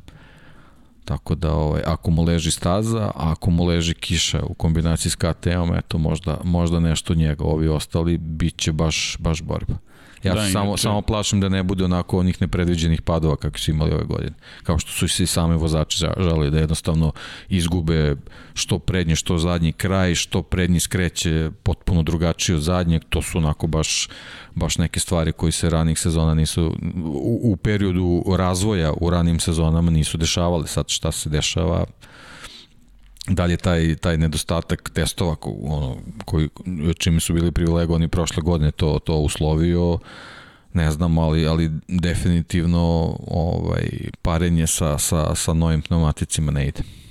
Da, ostaje misteri, baš ozbiljno veliko pitanje i... Suviše velik raskorak. Da, samo možemo da čekamo. Takvi raskoraci mogu da se očekuju u nekim malim procentima, kod njih je baš Pa baš Ducati prošle godine Koliko smo imali izvini ushićenje prošle godine sa njihovim rezultatima, ovo je baš antiklimaks potpuni. A svi su šokirani, šokirani da, da. odsustvom KTM-a. Jer ako pričamo na primjer Ducati u prošle godine i do Viciozo koji se mučio sa gumama, Mi sada pričamo, mi smo tada pričali opet da je Doviciozo tu negde u većini slučajeva. Pa vidi, mi smo pričali o katastrofi, a, a Doviciozo do, do, do nekog tri četvrtine šampionata bio ono kao... Bio je bici dalje. Da, mogli smo, mogli smo da, matematički da ga, da ga svrstamo kao... I imao je pobedu. Da, da. I imao je Petrući pobedu. KTM nije ni blizu toga da sanja da. pobedu u ovom trenutku. Da. I kažu A da imali zapravo, su prošle godine. I koliko smo, koliko smo se obradili kad smo čuli da Olivira, kad, smo, kad si njega prvo spojeno prešao na fabrički KTM i tako dalje. Tako dalje. Ti pobediš u Brnu pobediš u, na Red Bull ringu i pobediš u Portimao. Ti imaš tri pobede za celu sezonu.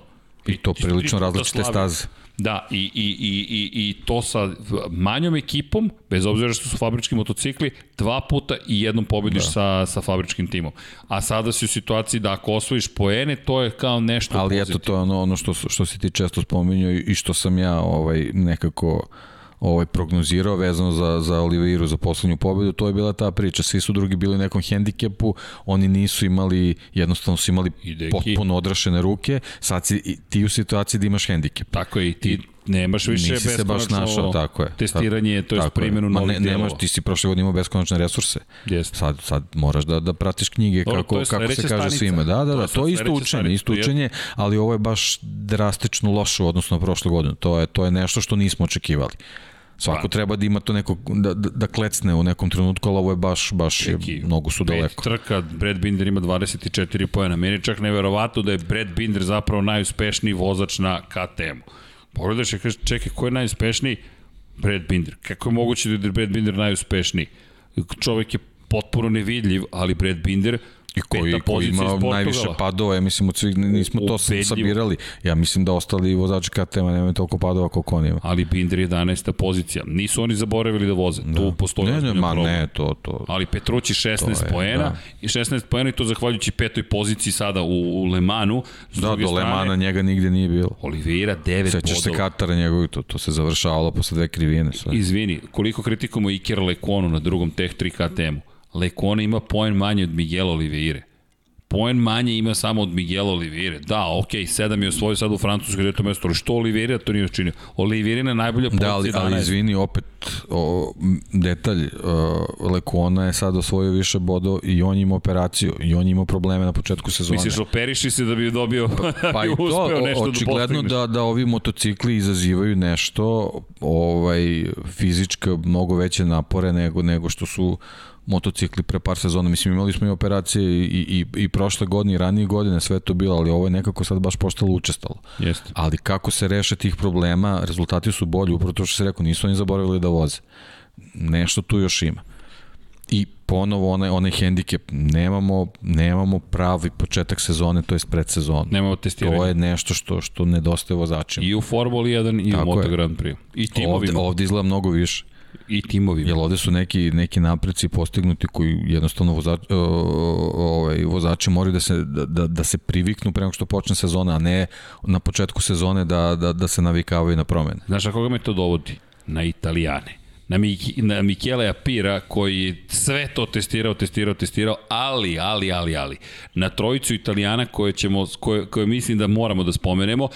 Vanja, ćemo krenemo prvo od fotografije jedne, ako je, pogledaj ovo, Sky VR46 ekipa za Luku Marinija u trobojci, pričali smo o francuskoj, francuskoj trobojci, sada italijani Ovo je uobičajeno za Sky VR46, za Sky generalno kao sponzora, obično da dan trke pr promene, desetka za Luku Marinija, Enea Bastianini na drugom tom motoru u ekipi Avintije, to je Sky VR46, I spomenut ću Valentina Rosija, da, i zbog ovoga i generalno, iako smo se dotakli Valentina Rosija na početku, opet ideš u Mugello, Bastianiniju verujem da će mnogo da znači, Mariniju će mnogo da znači, Rossiju će mnogo da znači i to je ta priča o italijanima, opet Ducati, vratit ćemo se do nekada pun krug pa ćemo preći na Moto dvojke, da li ćemo čuti to da Ducati i Valentino Rossi započinju saradnju i šta će to značiti iz perspektive 2022. Ali evo u 2021. Marini i Bastianini, mislim da oni mogu da budu baš neću čak ne reći ni iznenađenje, ali da mogu da odrade baš dobar postup. Bastianini u ovom trenutku ima 20 bodova u šampionatu sveta i Enea koji je inače rekao zanimljivo, to je bio baš je lep intervju njegov, da uči na osnovu stila Jacka Millera.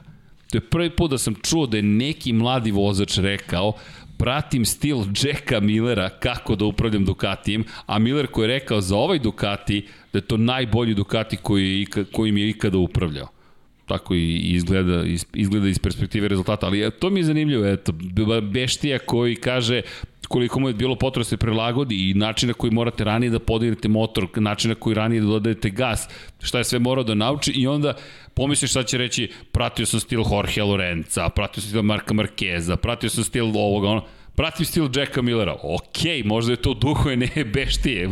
Ako želiš biti brzo u njegovom slučaju, moraš da pratiš najluđeg od svih Jacka Millera. Pretpostavljam, ne znam. Da, pa dobro, opet iste priče, nedostatak tih predsezonskih testiranja primorava posebno rukije da, da, da kako znaju i umeju da, da se što pre priviknu eto Enea onako ima, ima neku ne, ne, neku svoticu tih, tih bodova ovo eto još malo pa je dostigao Breda Bindera, mislim, po bodovima. Tako svotica, da to je, skromni Dejan Potkonjak. Je, ovaj, pa dobro, ne znam kako, kako oni gledaju na to, ali to je, to je očigledno dobar, dobar recept da nekako se što pre prilagodiš nečemu ovaj, s čim se nisi do tad susreo, ali, što je najveći problem. Ali Bešti je meni i dalje da. oduševlja. Pa i Marini, Marini koji je vrlo stabilan u poslednje tri trke, osvaja da. poene, to su da. dobri rezultati, ti si tek stigao u ovu kategoriju, a Beštija, Beštija u svom filmu, da I inače rekao je kada je pratio Markeza, rekao da je bilo da mu je Markeza bio neverovatno, da, da je rekao to to nije normalno. To to je neverovatno, kaže gledao je bio je bukvalno iz to je to učenje da, kojem pričaš. kad se suočiš u stvari tek sa tim shvatiš to je to, šta, to, to, je to. kako kaže, počneš da ih ceniš odjednom. Tako je, odjednom kad čekaj vozim iza njega i sad kao učim i on samo je rekao ne, to je odustajem. to je to, to, to, tu se nešto čudno da, dešava. Da, da Marini da. može može da bude dobar, što je Muđelo inspiracija ima, sama po ima sebi, tu. ali on ima ima četiri trke moto dvojkama, tamo je generalno bio ok, bio je na podijumu i sasvim, sasvim ok. Tako da, eto, možemo od njega da, da, da, da očekujemo onako možda neki, neki interesantan, iznenađujući rezultat, barem u kvalifikacijama vidimo da, da, da mu to ide, da, da može da bude, da, da se i on polako diže. Tako da, mnogo, mnogo bolje izdanje Ducatija 2019. Da, jest, nego, nego što jest. smo ih imali prošle sezone. Tako Pobedi, da, to je da. pobednički motocikl zarke, bio pre da. dve godine ovde. Da. Znamo da dobro ide. Imaju podatke. Tako je. Tako to može da tako pomogne. Tako je, tako je. A Marini se dobro snalazi u Muđelu, pa eto. Znaš koga smo preskočili? Kad spomenuh motor iz 2019. Juče smo preskočili slučajno Serhija Pereza. Izvinjenje svim obožavalacima, obožavalacima Serhija Pereza. Preskočili smo čoveka. Dobra trka za Serhija Pereza, ali to ćemo pričati utorak malo više. Franka Morbidelija.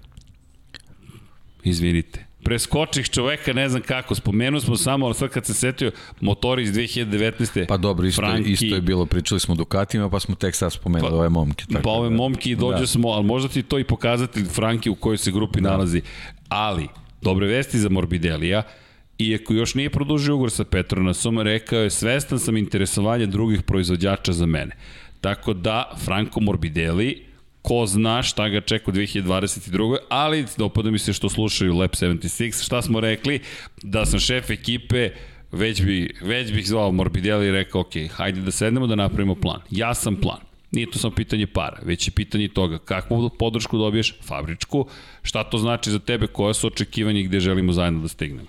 Jer Franki je zreo vozač, sada mu je potrebno upravo tako nešto. To je, to je moj utisak, da je jednostavno to sad neophodno, a u Muđelu sa Yamahom starom dve godine, koliko god da možeš da nadoknadiš na kočanju i kroz krivine, opet kada dođeš na taj pravac, nisam siguran kako će se tu provesti. Zaista nisam siguran kako će se tu provesti i da li je realno očekivati neku ozbiljnu poziciju u kontekstu toga da se plasira na pobedničku postoju. Mislim da među vodećih 5-6 ukoliko bude da će to biti zadovoljavajuće. Da, rezultat. to je onako baš, baš ozbiljno dostignuće, ali generalno sad da, da ne preteram, ali Yamaha od treće do 14. krivine može lepo da se ponaša može, u muđelu. Može, može, a, može, može. A ako neko ume da pronađe neku finu liniju, to je Franko. Tako da vidjet ćemo, mislim, jeste jeste ovo motocikl iz 2019, ali ima, ima taj motocikl svojih unapređenja. Nije to baš to. Dobro, nije bukvalno, ima tu novih delova. Tako, tako, tako da Samo... da možda će on umeti to, to da iskoristi i mislim da je iza njega već vreme u ovoj sezoni da, Držimo da, da malo odskoči. Ima on tu s vremena vreme vidimo pravog Franki, ali ovo je sad prilika da malo odskoči on vidi, ako, čak i ako rezultati budu dobri po sektorima, pa i to će nešto biti. Mada ja da, zaista da, sam neki da. skeptičan, jedino da uhvati neku zavetrinu i da se tu nada da će se desiti nešto, pogotovo kada je bitka za kvalifikacije u pitanju. Mislim da ćemo ovde imati strašne rezultate iz perspektive toga koje vreme moraš da ostvariš da bi se poopšte probio u Q2 deo kvalifikacija a u Muđelu kada startuješ 13. ili da. niže, bit će to dramatično. Imaš šest Ducatija. Šest Ducatija od kojih tri se po, bore da, za pobedu. Da. Imaš tri, tri koji se bore za pobedu, imaš četvrti koji možeš mu reći da vozi po toj stazi, imaš dvojicu koji su, koji su sve bolji, bolji i bolji. Jest, i voze kod kuće. I voze kod kuće i sa naviju, svojim bojama. I naviju gas. I da. naviju, i naviju da, gas, da. da. da. A uče od Jacka Millera. Jedan da. od njih uči na osnovu stila Jacka Millera. To već, to već zvuči zastrašujuće. Ali okej, okay, da. Htio da završimo sa porodičnom tom pričom Marini Rossi. Zašto? Zato što je vreme da se uđe u još jednu porodičnu priču. 1987. godine, nije Lab 76, ali leko, Leki Lab 87, ko je pobedio u Monci, istina na velikoj nagradi Italije, u svojoj šampionskoj sezoni 500 kubika određeni gospodin zvani Wayne Gardner, što nas dovodi do Remija Gardnera i njegove bitke za prvu pobedu 2021. godine u Moto2 klasi, poen prednosti ima u odnosu na sada dvostroko pobednika u Moto dvojkama Raula Fernandeza, o kojem I, I opet sam dobio par pitanja, ko je sada ovaj Raul Fernandez? Da čovjek se tek pojavio posle Petraka, šta hoće Raul Fernandez? Hoće titulu, ljudi, vrlo jednostavna stvar. Dva puta peti, jednom treći, dve pobede, tri puta treći, s druge strane Remy Gardner, sin Vejna Gardnera, sa brojem 87 vozi, jedno treće, jedno četvrto mesto. Mir protiv pobednika, to je taj metod, mir, mir kao da je inspirisao veliko, veliki broj vozača, ali Remiju je potrebna pobeda. Prosto moraš sada da pobe, opet moranje nekako. Dolaziš, ali to je taj moment, drugom Mugello je tehnički vrlo zahtevna staza, ovo će biti pravi vozački test. Jedva čekam da vidim sada duel između Gardnera i Fernandeza, a na poziciji 3 je Italijan. Marko Beceki za Skyver 46, imam osjećaj da će ove boje italijanski biti i kod Marka, što opet inspiracija. Ko nema pobedu pored Gardnera, nema ni Marko Beceki, koji je na prethodnoj trki bio na pobedničkom postoju, 17 pojena za ostatka za Gardnerom, opet moranje, dobra prilika da dođeš do prve pobede na domaćem terenu i mislim da će Bešte, oprosti ne Bešte, Beceki biti baš inspirisan, da će Bec biti inspirisan, mada kada pogledaš ko sve mora da bude inspirisan, šta ćemo sa Samom Lowsom? Ajde, šta ćemo sa Samom Lowsom? Dve pobede, dva pada, jedno treće mesto, 23 pojena za ostatka za Remim Gardnerom. Pa njemu je podhitno potreban neki, Sliš, opet neki moranje. dobar rezultat. Da, ali ovaj, a, nisu mentaliteti isti. Nisu. Znamo kakav je Sam, on onako u petak ustane dobro ujutro, mislim da će do, do, do nedelje, do zastoja sve biti ok. I ok je i u Muđelu i, i, i sve je to dobra, dobra priča, ali a, ti veliki ovaj, velike amplitude koji se kod njega ovaj, mere sa nulama nekim, jednostavno za šampionat nisu dobri. I da ne bi da ne bi ulazio u situaciju kako ima prošle sezone, da onaj fil, finiš koji je bio fantastičan u stvari na kraju uzme danak pa se pa se i povredi i onda ne, ne može da završava sezonu uh, kako je, kako je planirao da proba da, da osvoji titulu, mora podhitno da, da ovaj ne, neku veću količinu bodova uzme, što će automatski značiti da ih je oduzeo rivalima, tako da to je, to je nešto što, ovaj, što je kod, nje, kod njega pod, pod moranjem, sad da li da li je to jednako pobedi, problem je što kod njega ili je pobeda ili je pad. Mislim, to je, to je malo onako problematično, ovaj, ali, ali je nešto što je neophodno. Da, ali Sam Lowe's da... došao je, doveo se do stadijuma da nemamo predstavu opet. Mo, mo, kao Vinjales, da. možda, da. a možda i ne. S tom razlikom što Vinjales završava trke, Sam Lowe's ih ne završava. Baš pa je, to je bukvalno baš je, u problemima. ili sve ili ništa i to je onako baš A... u ovoj situaciji sa ovim momcima koji, koji si već spomenuo, koji su očigledno super formi, pre svega mislim na, na KTM-ovce, a, a, a Sema smo na početku sezone zacrtali kao apsolutnog favorita, apsolutno sad nije u toj situaciji. Tako da mora tu nešto da se uradi, a ono, ono što si rekao vezano za, za, za moranje i pobedu, mislim da, da je ona Becekiju neophodnija nego Gardneru. Gardner mi nekako deluje da je u formi e, koja o, o, ovaj, se odgleda u njegovoj samouverenosti. On je jednostavno siguran da ima dobar motocikl i mislim da, da, nije, da nije njemu nešto sad da mu baš gori da, da, da mora da, da pobedi, osim u nekoj relaciji vezano za, za budućnost i karijeru. Jel, jel znamo sad šta se tu sve, sve dešava i Pedro kakve se, Costa, kakve se kombinacije da, da sve pojavljuju. Ovaj, ne znam koliko mu je siguran taj njegov put koji je već, već nekim potpisima i, i, i overen, ali što se tiče same sezone mislim da nije ne verujem da mu gori nešto da, da, da noću nemaš da spavaš što, što, što nema pobedu i dalje mislim da je mislim da je da je okej. Okay. Nije poput tate, tata koji je u ovoj u ovoj fazi mislim mislim da nije. Možda možda za za za trku dve u zavisnosti kako se to sad sve bude ovaj odvijalo, možda se tu malo malo pojave neki problemi, ali mislim da da u ovom trenutku nije. Tata Mislim da bi bio vrlo, vrlo opušten i zadovoljan podijum u Muđelu, ono kao, ne, ne verujem da bi bio nešto nesrećan da, da nije na najvišem postolju. Eto, to Reči, tata u 15 trka 7 pobjeda za Beorođe, to je 87. Inače, samo tri pobednika te godine. Wayne Gardner, Randy Mamola i Eddie Lawson. da. Pa dobro, ni od ih sad u Moto dvojkama, ne, nema mnogo više. ne, da, ne, nema mnogo nema pobednika mnogo kad pogledaš. Da. Nema da. mnogo pobednika. Joki Ralf Fernandez koji meni deluje da. kao da je upalio, kao da je mašina u pitanju čovjek je toliko precizan i ovo mislim na najlepši mogući znači ta preciznost a opet i emotivan je i ta, ta podrška bratu je mene potpuno oduševila da, da, da, da, da, da vodi računa i rekao meni važnije što je brat završio na visokoj poziciji nego što sam ja postigao. Svaka čast za Raul Fernandez ali mislim da si u pravu da je Beceki taj koga gledati. I znaš koga mislim da treba gledati? Toni Arbolina. Toni Arbolina da. slavi u Moto trojkama i za Italijani generalno ovo će biti taj moment inspiracije da. Fabio Di Antonio koji Di Antonio treba gledati u svakom slučaju ako Ej. on ako gledamo još neke ovako možda na primer Joe Roberts to bi Ej, bilo onako isti imaš pa nekako mi njegov, njegov stil mi se nekako uklapa u, u ovu Trans priču. ekipa da da važna da, trka da, za Ital da. Trans Došao si u šampionski tim, hteo si da radiš sa Ital Transom, dali su ti podršku, dali su ti to što si žela, da. ovo je Ital Transu važno. Ne, to, to želim da naglasim posebno koliko je važno italijanima u Italiji da zabeleže pobedu. I Mizano je važan, ali Mugello je najvažnija stvar koja se dešava. To je kruna sezone, to je Super Bowl u Moto Grand Prix. Pa poslušajte šta smo sve ispričali.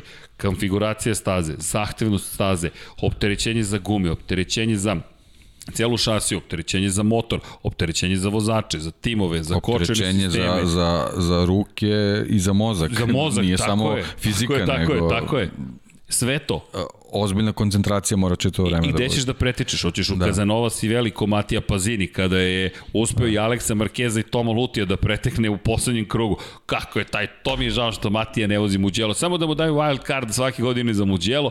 Matija Pazini, to je jedna od najlepših trka u istoriji Muđela.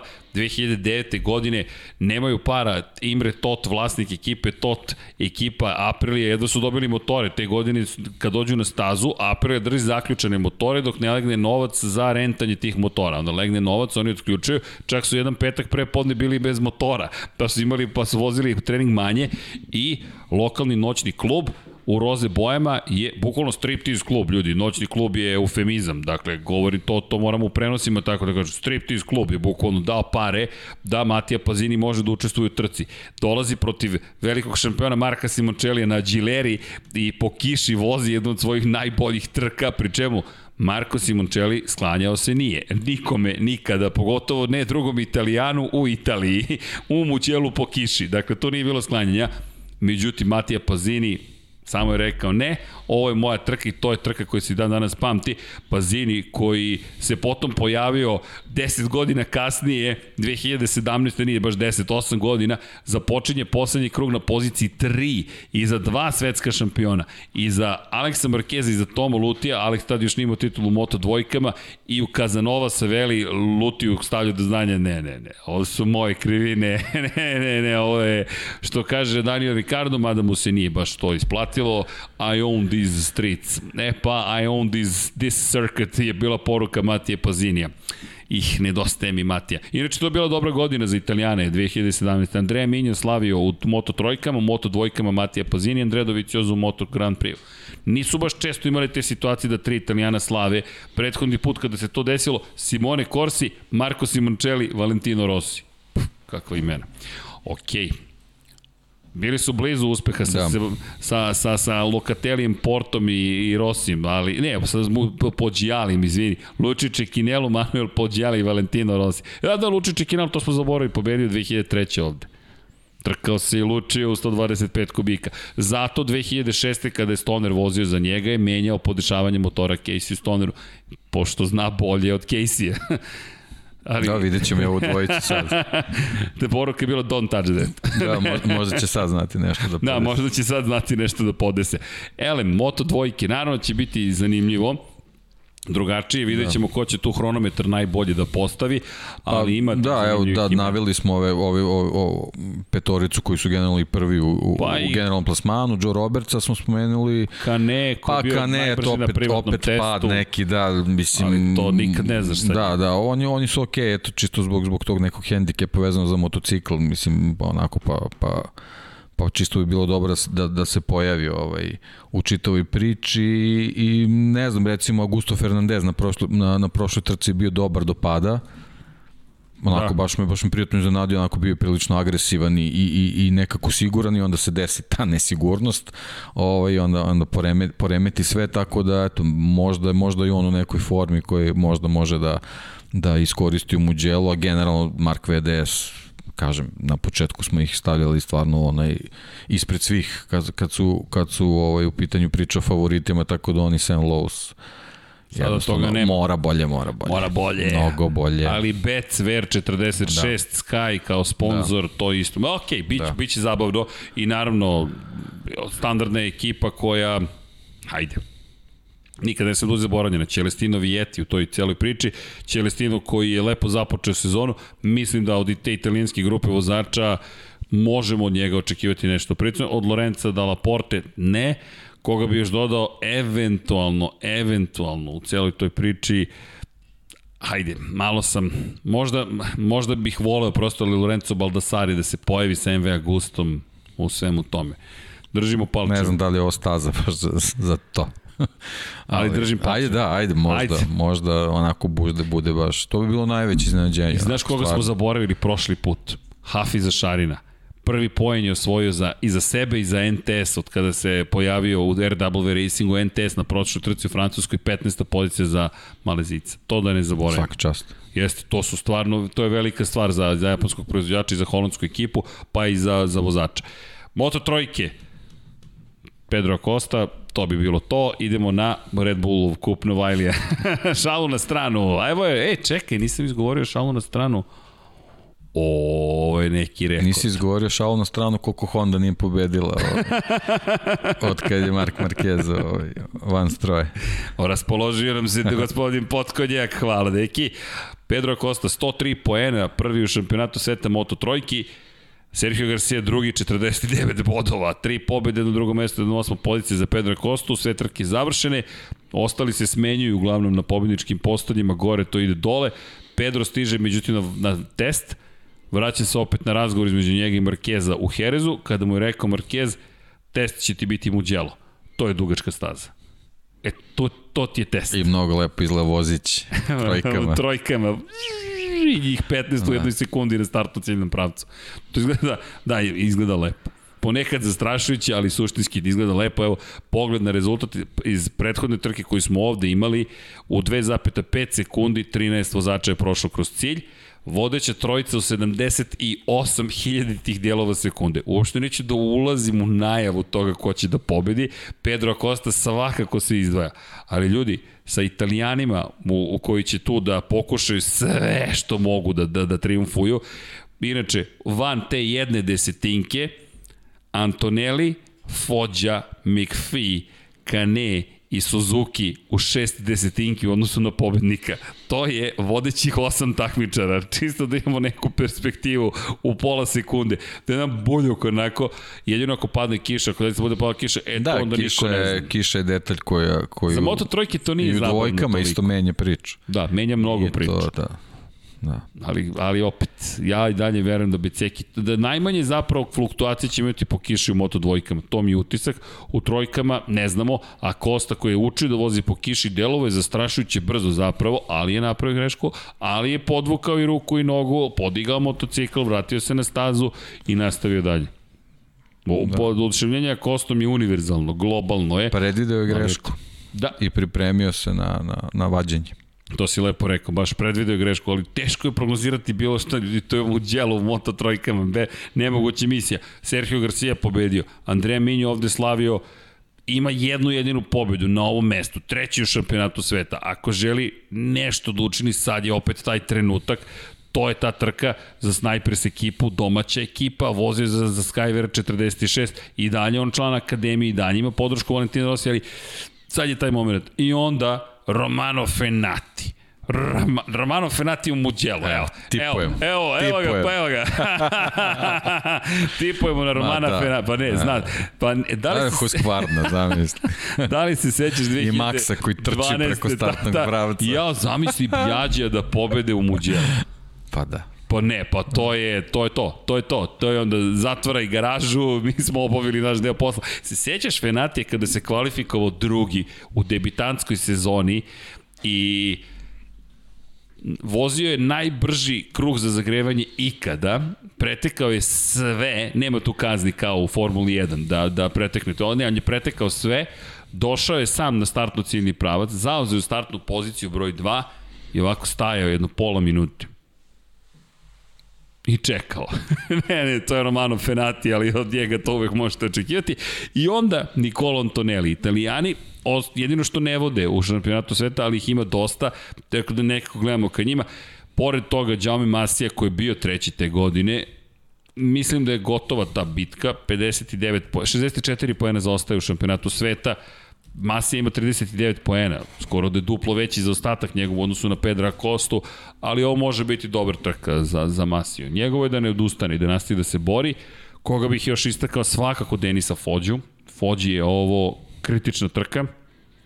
Nisam siguran u saradnju dalju sa, sa Leopard Racingom. Nemamo nikakve informacije, ali u pet trka, dva puta je van vodećih 15, jednom i drugi dva puta nije stigao do cilja.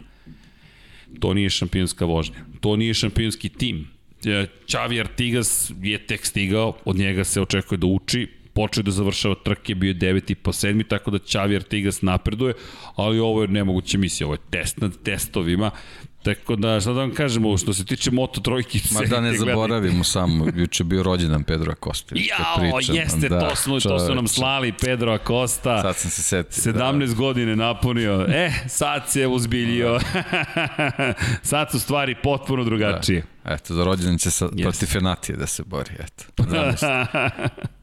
Baš će biti težak da, ispit. 25. Da. maj. Neko je napisao, da, neko je tweetovao pozdrav, kaže, nije februarsko čudo, pošto su Rossi i Marquez rođeni u februaru, eto, nije februarsko čudo, ali... Pa dobro, on je rekao, on je Kosta, on nije. Nije ni drugi ne, Rossi, ni drugi ti Marquez. Rekao, da. To si ti rekao i to je odlična izjava. Nije, ali dobro da iki neminovne su. Ne, neminovne su paralele. Prosto su neminovne. Tako da eto, tu trku prosto čekamo. Opet možemo da pohvalimo samo Ricarda Rosija koji je bio na pobjedničkom postoju zajedno sa Filipom Salačem prvi njihove, prvi njihovi šampanjci i, i mnogo uzbudljivo. Voleo bih da vidimo neka nova lica takođe ponovo na pobjedničkom postolju, ali za Moto pa trojke... Pa izgleda takva sezona, vidiš, malo da. se tu Uvijek a, se pojavi neko. Vidi, a Kosta da se nije uvoliko izdvojio. Šta ćemo s A ne znam, to ti kažem, šta ćemo s Masijom? Šta? Ne znam. Šta? I čak i da pobedi. Znaš ti kad pogledaš početak sezone, nekako si ovaj, razmišljao o nekoj trojici koji će stalno se vrte na tom podijum. I na kraju se ispostavi da, da, da jedan u stvari dominira jedan podijum, ovi ostali su tu kao... Pa, ali to ti kažem da se nije izdvoj... Evo, da Kosta je u Red Bullovom kupu Novajlija, koji ćemo isto spomenuti, treća runda je Red Bullovog kupa Novajlija. Neka imena ćemo samo pročitati čisto da ih imate za budućnost, da ih pratimo. Garcia. Da, ima... pogledajte sve na vreme čisto... Lepo je. Da. Prošle godine Možda mi smo pratili, za oko, kao da. što je Kosta prošle godine zapao. Ali Deki Garcia, dva pojena ispred Minja. Minjo, poen ispred Fenatija. Fenati, dva pojena ispred Antonelija, koji ima isti broj pojena kao Jumu Sasaki. Masija zaostaje 5 bodova, Derin Binder 3 poena, Salač 6 bodova, Jason Dupaske 3 poena, Izan Guevara 1 poen, ima isti broj poena kao Yusei Yamanaka, poen iza njih je Rodrigo, 5 poena iza Rodriga je Fođa, Alcoba je 2 poena iza Fođe, isti broj poena ima Kaito Toba, 2 poena iza Tobe je Rossi, isti broj poena ima Artigas, Tataj zaostaje Carlos 2 poena za Artigasom, John McPhee poen za Tatajem, Tatsuki Suzuki poen za Johnom McPhee, Adrian Fernandez 2 poena za Suzuki, Denis Onđo 2 poena za Fernandezom, Stefano Nepa 2 poena za Onđom, Yuki Kuni 3 poena za Nepom, Maximilian Kefler ima isti broj poena kao Yuki Kuni, Andy Farid iznihar 2 poena iza Keflera. I poen iza Lorenzo Felon. I to su ljudi koji su osvojili poene, to jest Felon čak nije ni osvojio poen, on nema poena ali završio trke. Dakle, ti s izuzetkom Pedra Koste nemaš nikoga koji ima prednost veću od 10 ili više poena od vrha do dna. 49 poena ima Sergio Garcia na poziciji broj 2 i Andy Farid iz Zihar 27. s jednim poenom. Između njih je 48 poena posle pet trka. Nije to nešto mnogo. Neverovatno koliko je sve izjednačeno. I onda Pedro Acosta koji je gore na Mount Everestu Moto trojki. Fascinantno. Zaista fascinantno. I ne zaboravimo, bitka veoma važna za KTM koji najzad iz njegove perspektive, iz njegove perspektive vodi odnosu na Hondu. Honda bez pobede, četiri pobede KTM-a i jedna pobeda Gas Gasa i Husqvarna koja, eto, ima povremeno pristojne rezultate. Vidjet ćemo. Vidjet ćemo, bit će zanimljivo. I da spomenemo, Daniel Olgado, David Alonso, Diego Moreira. Die, Diogo Moreira da ne zaboravim, stalno grešim čovjek kod imena. Španija, Kolumbija, Brazil. To je poredak u Red Bullovom kupu Novajlija u ovom trenutku. Olgado, 71 poen, 67 za Alonsa, koga smo videli prošle godine veoma dobar, i Moreira, koji se pojavio ove sezone i mogu ti reći da Moreira obećava. Nije samo još jedno spominjanje Brazila tek tako, vidjet ćemo, Na... Da, ja sam generalno kad je bila priča ovaj, i, i o Kosti, ovaj, o, o, o prelasku o Gevari i tako toj ekipi Alonso mi nekako bio tu u, u nekom fokusu, međutim vidiš on je ostao tamo, tako da možda je on, on sledeći koji će se priključiti ali, trojkama. Ali vidi, da. Moreira da. se pojavio ove godine na, na, na da, početku da, da. godine pa to je, to je nezgodno za te momke koji tu nekako ostalo pa malo pritavores ovaj, kad se pojavi novo, nije, nije baš ovaj, sve jedno. Nije, kako da ti bude sve jedno? Mi smo još prošle godine pričali o Kostu i Alonsu, da. a Kosta je napredovo, Alonso koji čeka, prosto u ovom trenutku David Alonso čeka, ali ti, da pogledaš, Diogo Moreira, Brazil, zanimljivo nam je, ko je taj momak, zašto, kako i tako da, dalje. Da, nekako Brazilci su se opet pojavili ovaj, da. Ba, bazi, nekoj priči. Alonso je morao da ostane, prosto... Pa nije momak, bilo toliko mesta. Ne samo to, godine. godine. On, je, to, on je napunio 15 godina ove godine, on je 2006. Da. godište i nije osvojio kup Novajlija. Samim tim nije mogao da ide dalje, da je osvojio kup Novajlija, mogao bi mlađi od 16 godina da nastupi. Ono što je za njega poseban problem, ukoliko ne osvoji titulu, on mora da čeka kraj aprila 2022. 25. konkretno april da bi ušao u šampionat sveta. Tako da za Alonsa je tu dosta, dosta zahtevna situacija. opet, šta ti je tajming? To smo rekli za Jacka Millera na samom početku. Kad imaš dobar tajming, pa ti se nekako otvaraju stvari, ne, ne treba, zaista, ne da ne treba poceniti, to je, verujte, jedna od najvažnijih stvari. Ono što je takođe bitno, Daniel Olgado je broj 1 u šampionatu sveta za juniore. U ovom momentu Olgado ima tri pobede. U Estorilu je zabeleže pobedu i obe, u obe trke u Valenciji takođe bio najbolji. Tako da iz te perspektive Alonso je bio treći u prvoj trci, ali nije bio na, u, u Valenciji. Tako da Alonso to čeka još posla. S druge strane, Olgado je neko ko, evo, već sada se nameće praktično. Dakle, već sada se Olgado nameće i, i iz te perspektive ime koje koje verujem da ćemo sledeće godine pratiti u šampionatu sveta. Ali dobro, eto, pratite Red Bullov kup Novajlija. Inače, pošto je otkazan Kimi Ring, dodata je jedna trka Red Bull Ring.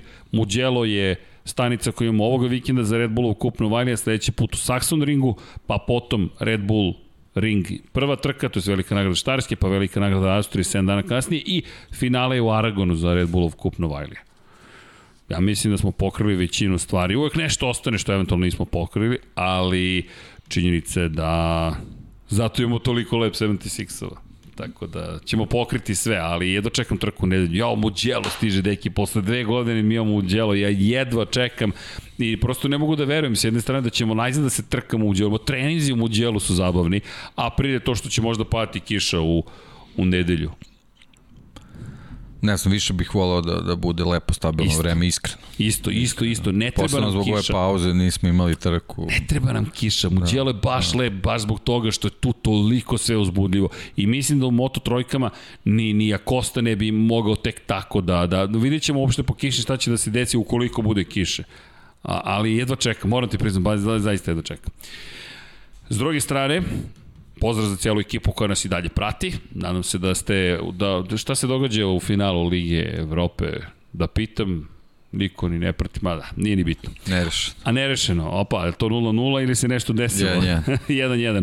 ok, ko je to? Prvo veliki pozdrav, hvala vam još jednom. Ukoliko ste sa nama još uvek, udrite like, subscribe, ukoliko vam se dopada ono što čujete. Kada je reč o pitanjima, evo, tu smo na, na, na, na raspolaganju, pa nadam se da ste se ispričali umeđu vremenu.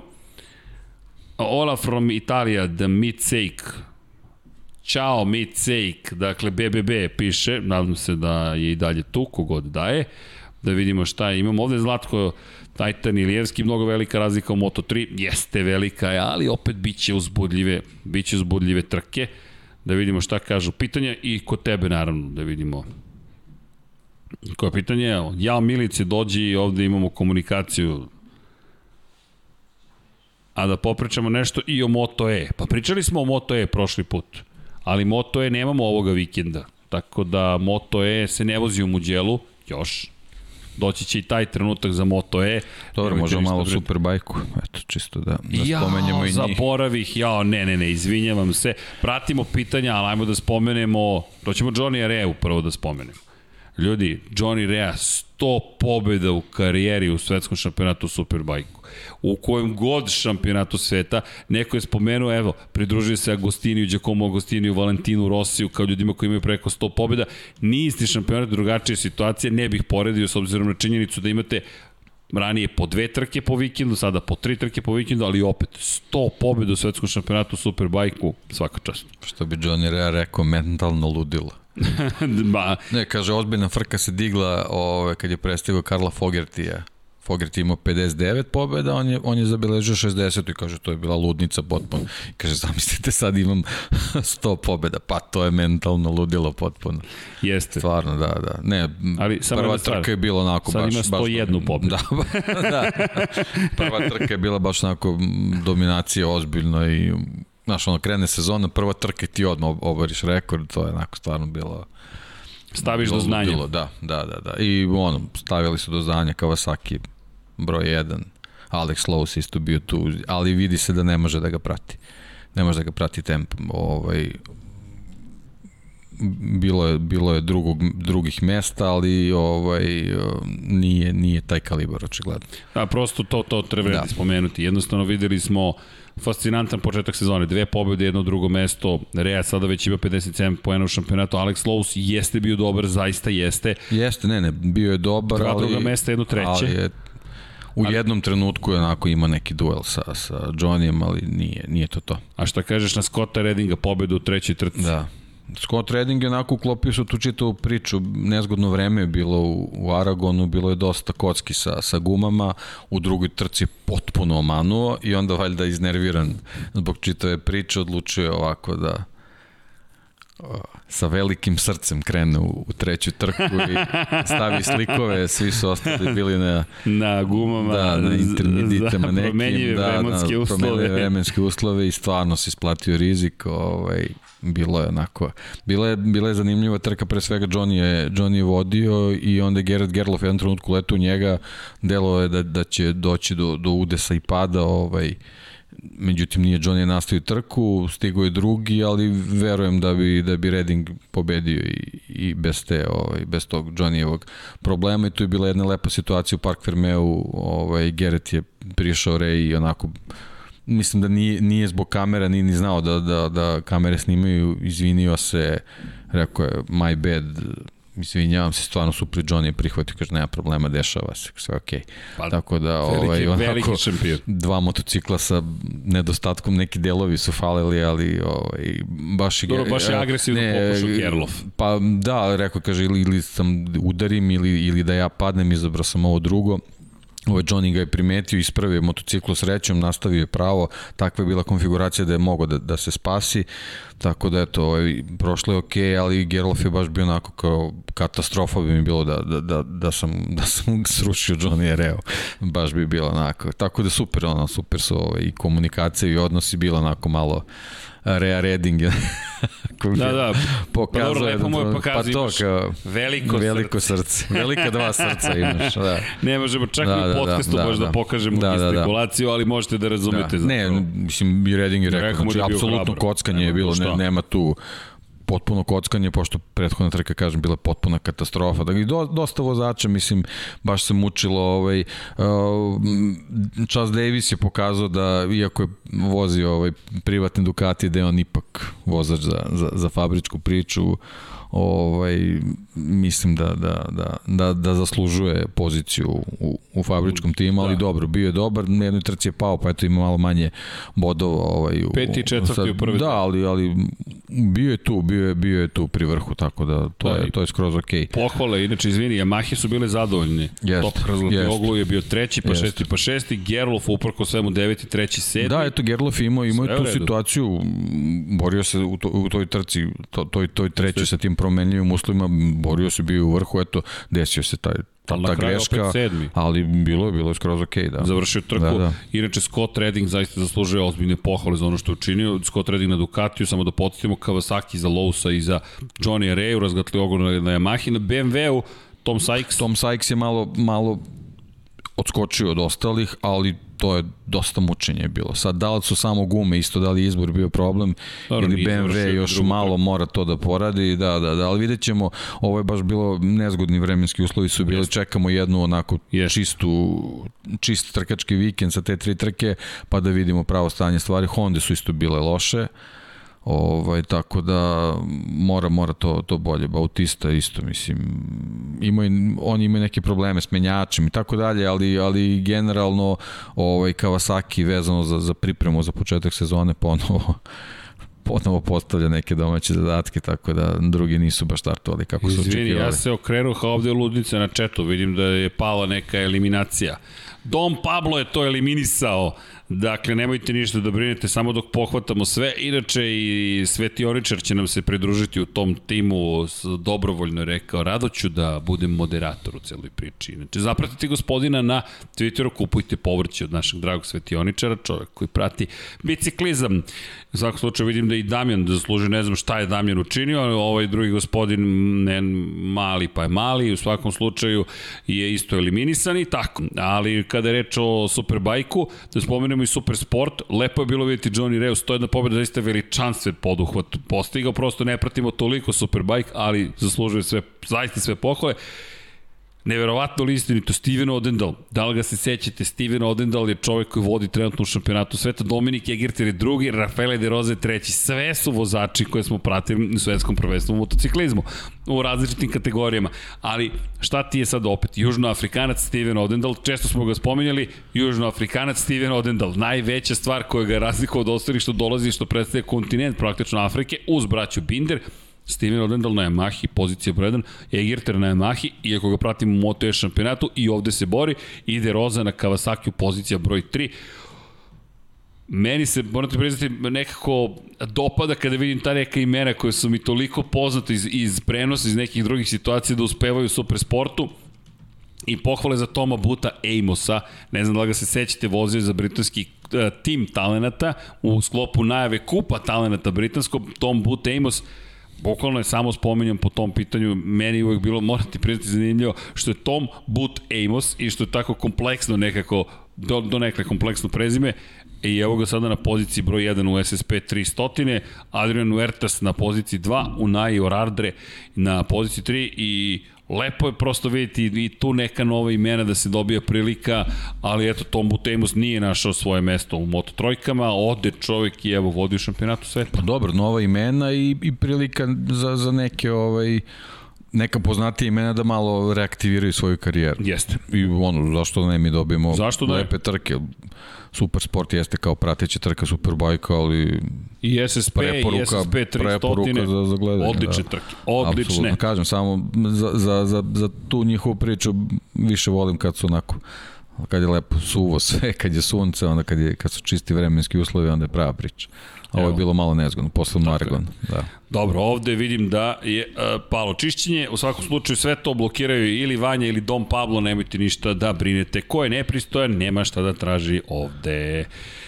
I da, Zlatko, Moto E pričali smo, ali eto, spomenuli smo Superbike. Hvala Zlatko za podsjetnik, ima tu još kategorija. Što se tiče Moto E, doći će vreme za Moto E, nemojte da brinete, za sada držimo se prosto Moto Grand Prix-a, ali činjenice da eto, pratimo i, i električne motocikle sa osobitim zadovoljstvom. E da, počela su prodaje karata za neke od staza.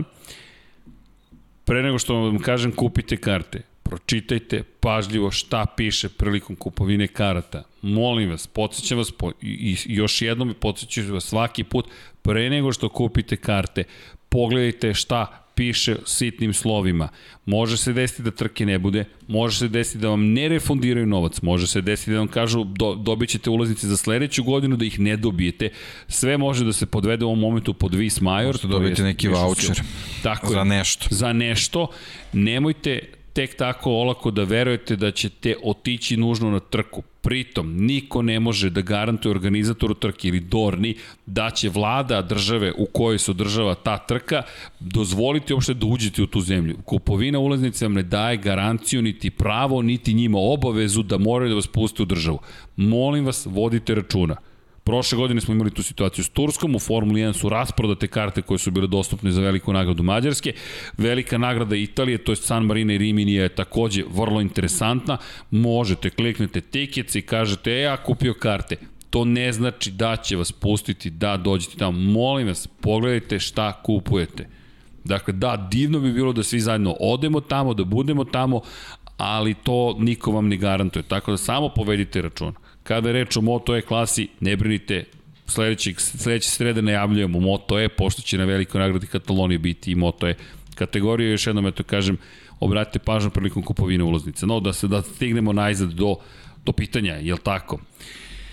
E, ček, ček, ček, šta tu ima? Tim imaće specijalne boje, Mile Krstavski. Mile, pa desite da niste da Mile gledali futbol, to smo već imali fotografiju tih novih boja, molim vas. Dakle, e, koja kategorija? E, Srki, ako, evo, hvala Vanja. Srki, ako roljne kiša u nedelju, kom je favorit za podijum? Pa Miller sigurno na tom pobedničkom postolju. Stop, Don Pablo odmahuje glavom, ne očekuje nastavak tog niza, opa, nešto pliva Miller, to je to ovde Don Pablovo očekivanje, dobro, ali Mo, moje mišljenje Miller, mislim da tu situaciju koristi, da, da će to biti za njega baš situacija. Miller, Marquez, Zarko. Po kiši. To su mi očekivanja, eto, po kiši. Eto, Vanja se učutao, Dom Pablo mi se smeje, Deki ne progovara. Dobro? Kako? Može to u fantaziji. Evo, Vanja, staću iza svojih reči. Ne znam da mogu da menjam toliko, ali okej. Okay. Srki i Deki, ajmo Vrnjačka banja na jesen, Reli Srbije, imate roštilji pivo od Renault Balkan, goća bingo. Hvala. Ja ne, meni je zabranjeno pivo, ali može neka zamena. Rado ćemo se, voda naravno. Šta očekujemo od Banjaje u Muđelu? Od Francesca Banjaje, bitku za pobedu. Ako bude suvo, očekujem bitku za pobedu. Već, da. da, da. Može li se očekivati Porta Kawasaki ili BMW-a, Browns Bosna? Ukratko, nažalost, ne u skorije vreme.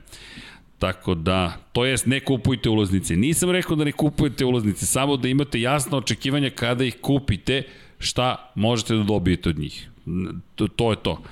E, odgovorio sam Cone šta očekujemo od Banjaje, da, da li se dobro sećam da je Rea imao nastup u MotoGP-u. Nusmir je, dobro se sećate, imao je nastup u Johnny Rea u Moto Grand Prix, seo je na Hondu i bilo je dosta priče o tome da bi mogao Johnny Rea da dobije priliku, međutim ništa se na kraju nije dogodilo, potpisao ugovor sa Kawasakijem i ostalo je što kažu istorija u njegovom slučaju. A prošle godine je eksplicitno rekao da je Jeste. za Moto Grand Prix kasno. Jeste. Nažalost, ali nećemo, nećemo prosto imati priliku da ga gledamo u Moto Grand Prix.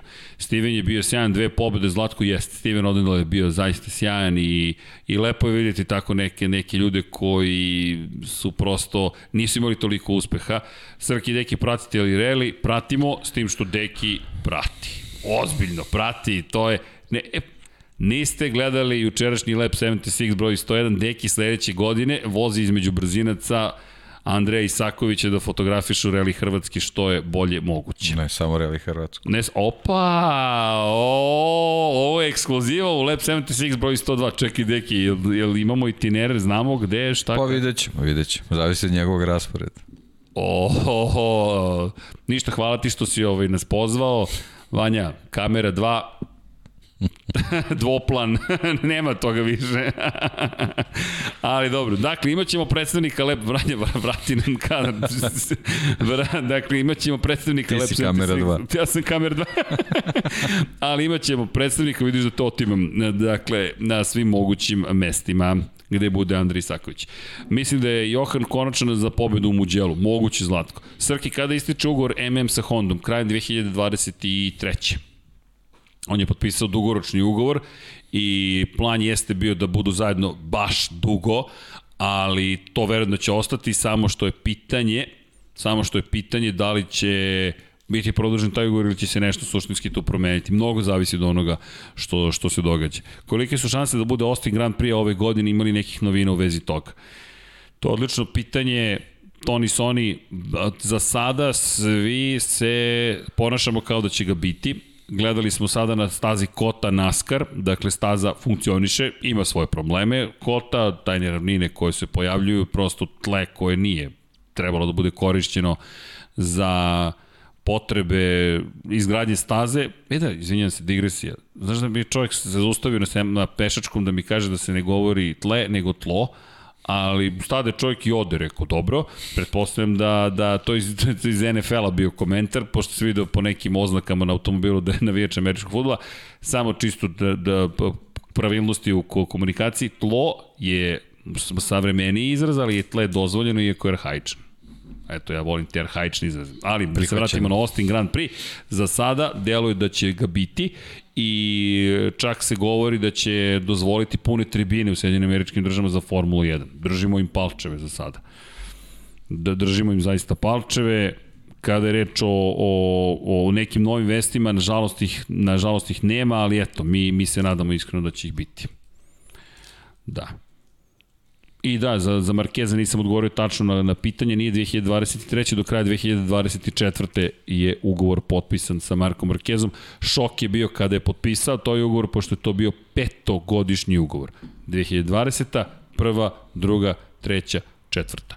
Pet godina, to je to ono što je bilo šokantno, niko od nas nije očekivao da će, da, da će produžiti ugovor za još 4 godine. Isticao mu je na kraju 2020. U februaru 2020. su u Hondi rekli produžavamo ugovor i to je bio petogodišnji ukupno ugovor. Tako da znate, Marquez ostaje do tada. Do, Tomislav Ivanić, hvala za podršku i donaciju 25 kuna. Dragi Srki Deki, doktori motosporta, jel može vaše mišljenje Maksu Bjađu? Zašto vama nikada nije uspio biti preko 500 kubika, od vas nema bolje? Hvala, hvala Tomislave. Hoćeš ti? Pa, malo ono, nedostatak sreće i tajming po meni, eto, čisto ništa, ništa specijalno, mislim da ima kvalitet da bude svetski šampion. Ja mislim Sad da... ti možda nešto Samo bih možeš dublje, da, ali Pa, narav. ja sam uprostio. malo, Narav. Da, Da. Dodao bih narav, da. Nije Maksu je nedostajalo. E, Desilo se Pa par nekako stvari. naro, narav je probuđen, probuđena time što ta sreća nekako ali mislim da je to da par stvari je to bilo. Čisto za one koji eventualno ne prate toliko dugo motociklizam. Max Biaggi se pojavio kao otkrovenje, veliko italijansko otkrovenje u 250 kubika.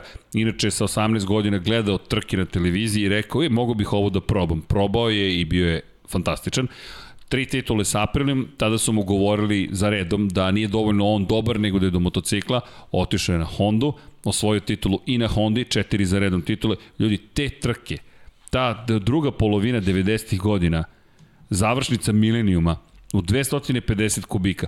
To je nivo Moto Grand Prix i Moto Trojke koji danas gledate. Ali ono što je razlika što ste imali uvek četiri čoveka koje su se borila za sam vrh. Imali ste Maxa Bjađija, Imali ste Ralfa Waldmana, žao mi je, često se setimo, pogledajte Donington i njegovu pobedu Donington Ralfa Waldmana, kada pada kiša, promenjivi vremenski uslovi, uvek se sve kolege kažu, se sete, šta bi Ralf Waldman ovde učinio? Zatim, Olivier Jacques, Tecuja Harada, posle su se pojavio tu u celoj priči i Shinja Nakano, pojavio se da i Giro Kato kasnije, ali kada gledamo te bitke, Tecuja Harada, pa i Loris Capirosi u jednom momentu, ljudi, to je, oh, to su bile savršene trke. Elem, Bjađe osvaja titulu, odlazi kod Erva Kanemotoa, odlazi u Hondu, 500 kubika, Erv Kanemoto je guru dvotaktnih motora bio. Za, za uspeh na, dvotak, na dvotaktašima bilo je potrebno da imate mađioničara s karburatorom. Mađioničara koji će znati u tom danu, na, po toj vlažnosti vazduha, na toj nadmorskoj visini, po toj temperaturi i po tim udarima vetra da vam odredi karburaciju. Bukvalno, to je neka druga tehnologija. Erv Kanemoto, samo skinete kapu kada pričate o Ervu Kanemoto, to je legenda. Dolazi kod Erva Kanemotoa, Michael Duan, koji brani titulu, pada u prvoj trci na velikoj nagradi Japana u Suzukiju, Max Biaggi pobeđuje i svi kažu o, wow, ali pritom, ako je 125 kubika početak, imate skok na 250 vrlo ozbiljno, malo ko je uspeo da, pre, da taj, taj prelaz napravi. Sa 250 Nema, to je, to je van plafona. Stratosfera. To je stratosfera. To je bukvalno popnemo se na krov, a mi ima još sprat iznad nas i to vam je 500 kubika. Nemoguća misija je bilo upravljati motorima od 500 kubika. A Max Bjađe je seo na tu čuvenu Hondu, na NSR, NSR Hondu, koja je bila zastrašujuća. I uvek ću pričati istu priču, čuveni test 1983. četvrte, šesti stepen prenosa na pravcu, ne mogu setiti ko je, moram da potražim tekst, taj koji sam čitao, ko je od probnih vozača, dodao gas u šestom stepenu prenosa i na pravcu ga je Honda ispljunula. Dakle, imao je high side na pravcu u šestom stepenu prenosa. Nema kontrole proklizavanja, kontrolu ste radili tako što ste zapravo Big Bang paljanje imali, 360 stepeni za jedan takt, nema 720 kao kod četvorotaktnih, u 60 stepeni palite sva četiri cilinda, brp, i onda pauza od 300 stepeni. Bom, bom, bom, bom, bom, tako je zvučalo. Bjađi dolazi, beleži tu pobedu i onda kreću ti dueli sa Duanom, međutim nije to, to bilo tako jednostavno, treba pobediti Duana. No. Ja to kažem, talent ogroman, ali taj, tajming je stalno bio taj Jeste. koji, i onda je nedostatak sreće i onda se javlja mentalitet. I ima tu, ali ima još par stvari. Čuvena njegova kazna u Kataloniji, gde je dobio crnu zastavu, gde je on poludeo na, na Međunarodnu motocikličku federaciju, tužio je da zapravo radi u korist Michaela Duana. Vidite kako se priče ponavljaju, uvek se radi u nečiju korist za potrebe nekog i tako dalje. Zatim, otkazuje se trka u Brazilu. Bjađi sada ima trku manje da pokuša da uzvrati udarac Duanu i to je već potpuni bes, pri čemu, to je 1998. godina, Bjađi mora da se da prihvati činjenicu da u Italiji više nije najveća zvezda. Apropo tajminga, Valentino Rossi je 1997. godine osvojio titulu, 98. stigao u 250 kubika, zabeležio pobede, nije osvojio titulu, ali je već zvezda. I njihov veliki duel i čekanje kada će Rossi da stigne u 500 kubika, Bjađi koji u tom nestrpljenju povlači neke pomalo ishitrene poteze i mi dolazimo do toga da Max Bjađi zapravo na kraju dođe u situaciju da menja timove, svađa se manje više sa svima i to što si rekao, narav dolazi do izražaja i bez obzira na neverovatan talent, nemoj zaboraviti, on je te godine podvezao jednu od ne samo najboljih trka u Češkoj, već je podigao motocikl to je taj čuveni Vili koji niko nikada neće ponoviti. Ljudi, to morate da nađete na YouTube-u. Ako je ja ne znam, ne znam kako bih, čime bih, evo, ovo je motocikl i sad vi obično dignete ovako, mo prednji kraj i vozite se. Max Bjađi je bukvalno prolazi kroz cilj, ovako podigao motocikl. Ja se ne šalim, ja, ja se stvarno ne šalim, preko, dakle ovo je preko 90 stepeni i jedva je vratio motor nazad. Ljudi, to je kao, ne znam, kao da gledate uh, suho i su 27 dok izvodi kobru otprilike, to ovako se desi i onda se vratite, vratimo to. Ja nemam bolji opis od toga, čovek je... Od sad ćemo to zvati kobra, nećemo... Kobra, da. tako je izveo kobru i ti gledaš i kažeš, čekaj, da li je moguće da smo mi ovo upravo gledali, to je The Mother To je i on rekao. To, ja, pomislio. Ja, pomislio. Verovatno. Ljudi, to je the mother of all, of all Willis. Ako je ono bila Pugačeva kobra, ovo je Bjađijeva kobra. Bravo, deki, imamo Bjađijevu kobru u Moto Grand Prix-u. I ono što se međutim tu dešava sa Bjađim, menja ekipu. On napušta Erva Kanemo, to jest prelaze na Yamahu i počinje ta avantura sa Yamahom. Yamaha koja je došla sa ozbiljnim novcem i rekla mi hoćemo tebe, ti da nam doneseš titulu, to je, to je pričao i Duan. Yamaha je pokušala da vedi Duan, ali prosto nije ponudila dovoljno novca. Opredeljuju se za Maxa Bjađija, Bjađi koji sa tom Yamahom jedna pobeda, ali sledeće godine stiže mu u dve, u 500 kubika Valentino Rossi, sezona katastrofalno počinje. Ima tu i pol pozicije svega, ali mnogo grešaka, odustajanja. Njihov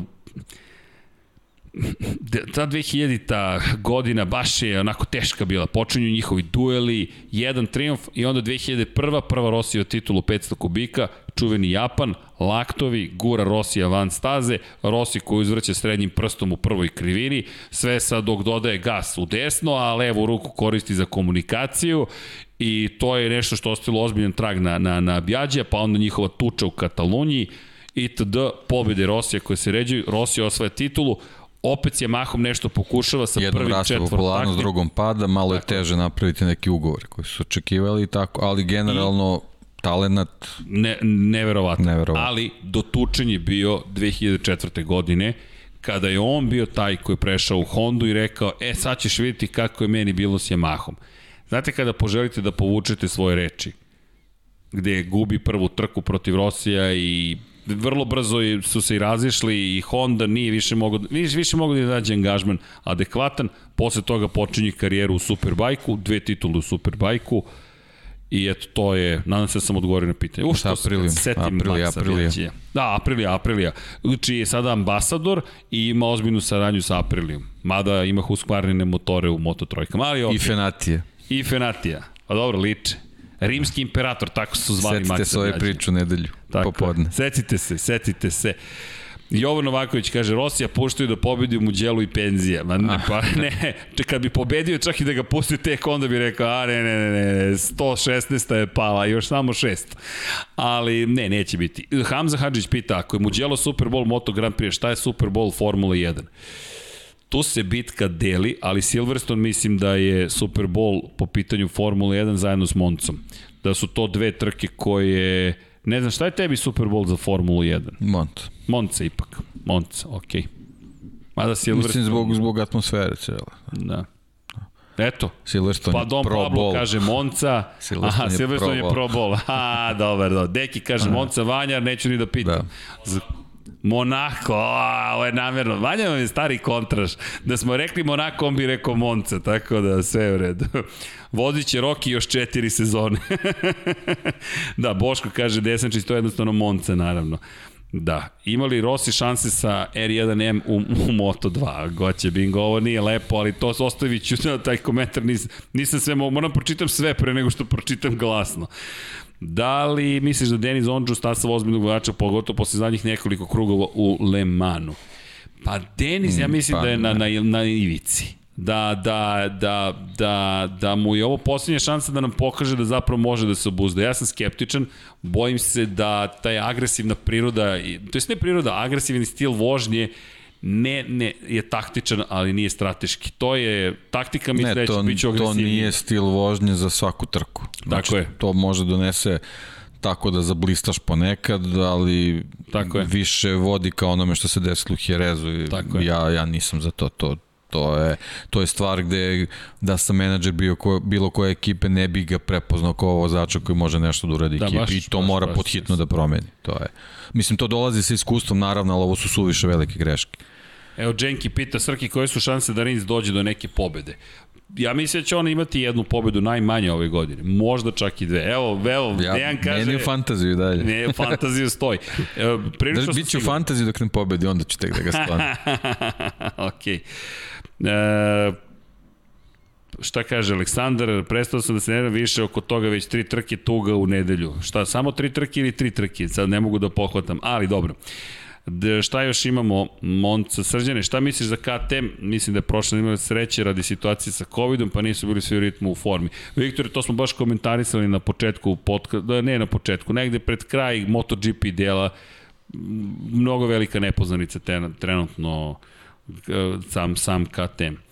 Šta mislite Oliveru Solbergu kad smo već kod relija? Oliver Sol, pa, veliki ljudi, talent. To je, da. to je momak koji je, da, veliki da, talent, lepo veliki, si rekao. Super, super dečkić, onako stvarno ovaj, na zemlji, mislim, znaš, dolazi iz šampionske porodice, tako da, da ima, upoznali, ima veliku podršku, ali onako zaista je... Smo ga zajedno upoznali u Barceloni. Ja znam da sam ga upoznao u Barceloni, bio je s mamom i tatom. O, ja sam ga upoznao u Varšavi na ovome, kako se zove, ovo čudo što Ken Block pravi, na Gimkana. A, Gimkana. Gimkana Grid, tamo to sam ga upoznao. To Gimkana Pa, neko, neko od njih kaže Gimkana, neko Gimkana. Ok. Tako da ovaj, baš, sam, baš sam bacio uvo i ono, govori kako ko hoće. A pre Tako ćemo ovaj, i mi. Tako ćemo i mi. Dve, tri nedelje pred Rally Hrvatska ima se neki Zoom intervju s njima, onako, stvarno je, stvarno ok. Posle njegovog debija u VRC-u na Arktičkom ralliju, pravili smo priču onako, super, stvarno otvoren za razgovor. Sve i da informacija neće, neće voziti Rally Sardinije, trebao je da vozi ovaj, i bila je prilika, razgovor je bio da, da vozi VRC automobil, međutim neće uopšte nastupiti. Petar Solberg je dobio COVID i ovaj, zbog nekih tamo pravila i zakona Oliver je testiran negativan je, ali će morati da provede vreme u karantinu. Šteta. A 3. juna je ovaj, Šteta sledeći reli, tako da će morati da ga propusti, baš, baš šteta. Super je krenula sezona generalno njegovoj, njegovoj R2 ovoj kategoriji, RC2 kategoriji i baš, baš, baš šteta. Da. Svi znamo kad se, kad se napravi tako pauza, sreće on, on nema, nema simptome zdravije, negativan je, ali eto, morat će da pauzira i baš šteta. Inače, momak koji je u prvom nastupu debiju u evropskom šampiona, u evropskom reliju pobedio u letu. Da, da, da. da. Od, izuzetno talent, blago rečeno. Baš je, da, da, baš je, baš je veliki talent, to i kažem, i, i, i, i sve, sve oko sedmi. njega je super, da, sjajno, sjajno. Zaista, i, i da. jedan prvo prijatelj momak da, za, za razgovor. Da. Pritom, prošle godine pričao je koja je razlika između VRC dvojke i VRC-a, upravo te neke priče kad sedneš u nešto što je mnogo, mnogo ovaj, da. naprednije od ono što si do tada vozio i ispostavi se da se snađeš i u nenormalnim vremenskim uslovima i budeš sedmi. To je, to je stvarno. Sjajni bio. Baš je bio nije to slučajnost. Tako nije je. to slučajno. Jedini sad trenutno nedostatak mu je vožnja na asfaltnim relime, zato između oslog bila isto priča, treba da nastupi Hrvatskoj, pa, pa je su Hyundai ipak odlučili da da, da je suviše rano za asfalt, tako da to je neka sad još samo ovaj, stanica u karijeri koju mora, mora da prođe, da to malo savlada i mislim da će biti spreman za VRC možda već sledeće godine, za putnu sezonu. E, pitanja imamo još par, da li znamo da li MM ima izlaznu klauzulu u ugovoru? Ne znamo. Verovatno postoji neka, ne bi me čudilo u svim tim ugovorima da postoji izlazna klauzula, ali toliko su i, i, i Honda i Mark Marquez daleko od onoga što su bilo očekivanje da ja mislim da je ovo njima i dalje sezona stabilizacije. Da, i on se sad čeka. Tako je. Čeka se, tako da... Ovo je sezona stabilizacije. Taj ugovor je dosta Ako ima ta klauzula, mislim da još niko ne gleda u nju. Da. Još se ne podsjeća šta mislim da piše se ovo tamo. svodi pod Vismar, Da, da, to je da. povreda. Tako je, da tako to, to stoji. E, pitanje za tebe, Deki Ognjen, pita Radivojević, kada se briješ? Ne razumem, ali kada se briješ? U novembru, kada dođe vreme za brkove. Brijanje potpuno ili, ili trimovanje? Ne znam, to se, ne znam. To se redovno dešava. Da, evo Zlatko podsjeća na Johnny Areu, imao je polu priliku 2012. kada je menjao Casey, da, to je to u Repsolu, bio je dobar u dve trke, sedmi i osmi. Pa da, to je taj, ali nije prosto nikada dobio pravu podršku. To je Honda. Da, to, To, zameniš Casey Stoner i očekuje da pobediš. Da, inače evo zanimljivo, da, to, to je to, never, ne, neverovatno. E, Srki, šta misliš, šta mogu Suzukijevci uđe? A, Dženki, morate da se vratite na početak podcasta. Pričali smo o tome, naše očekivanja su da im je ovo jedna od važnijih trka.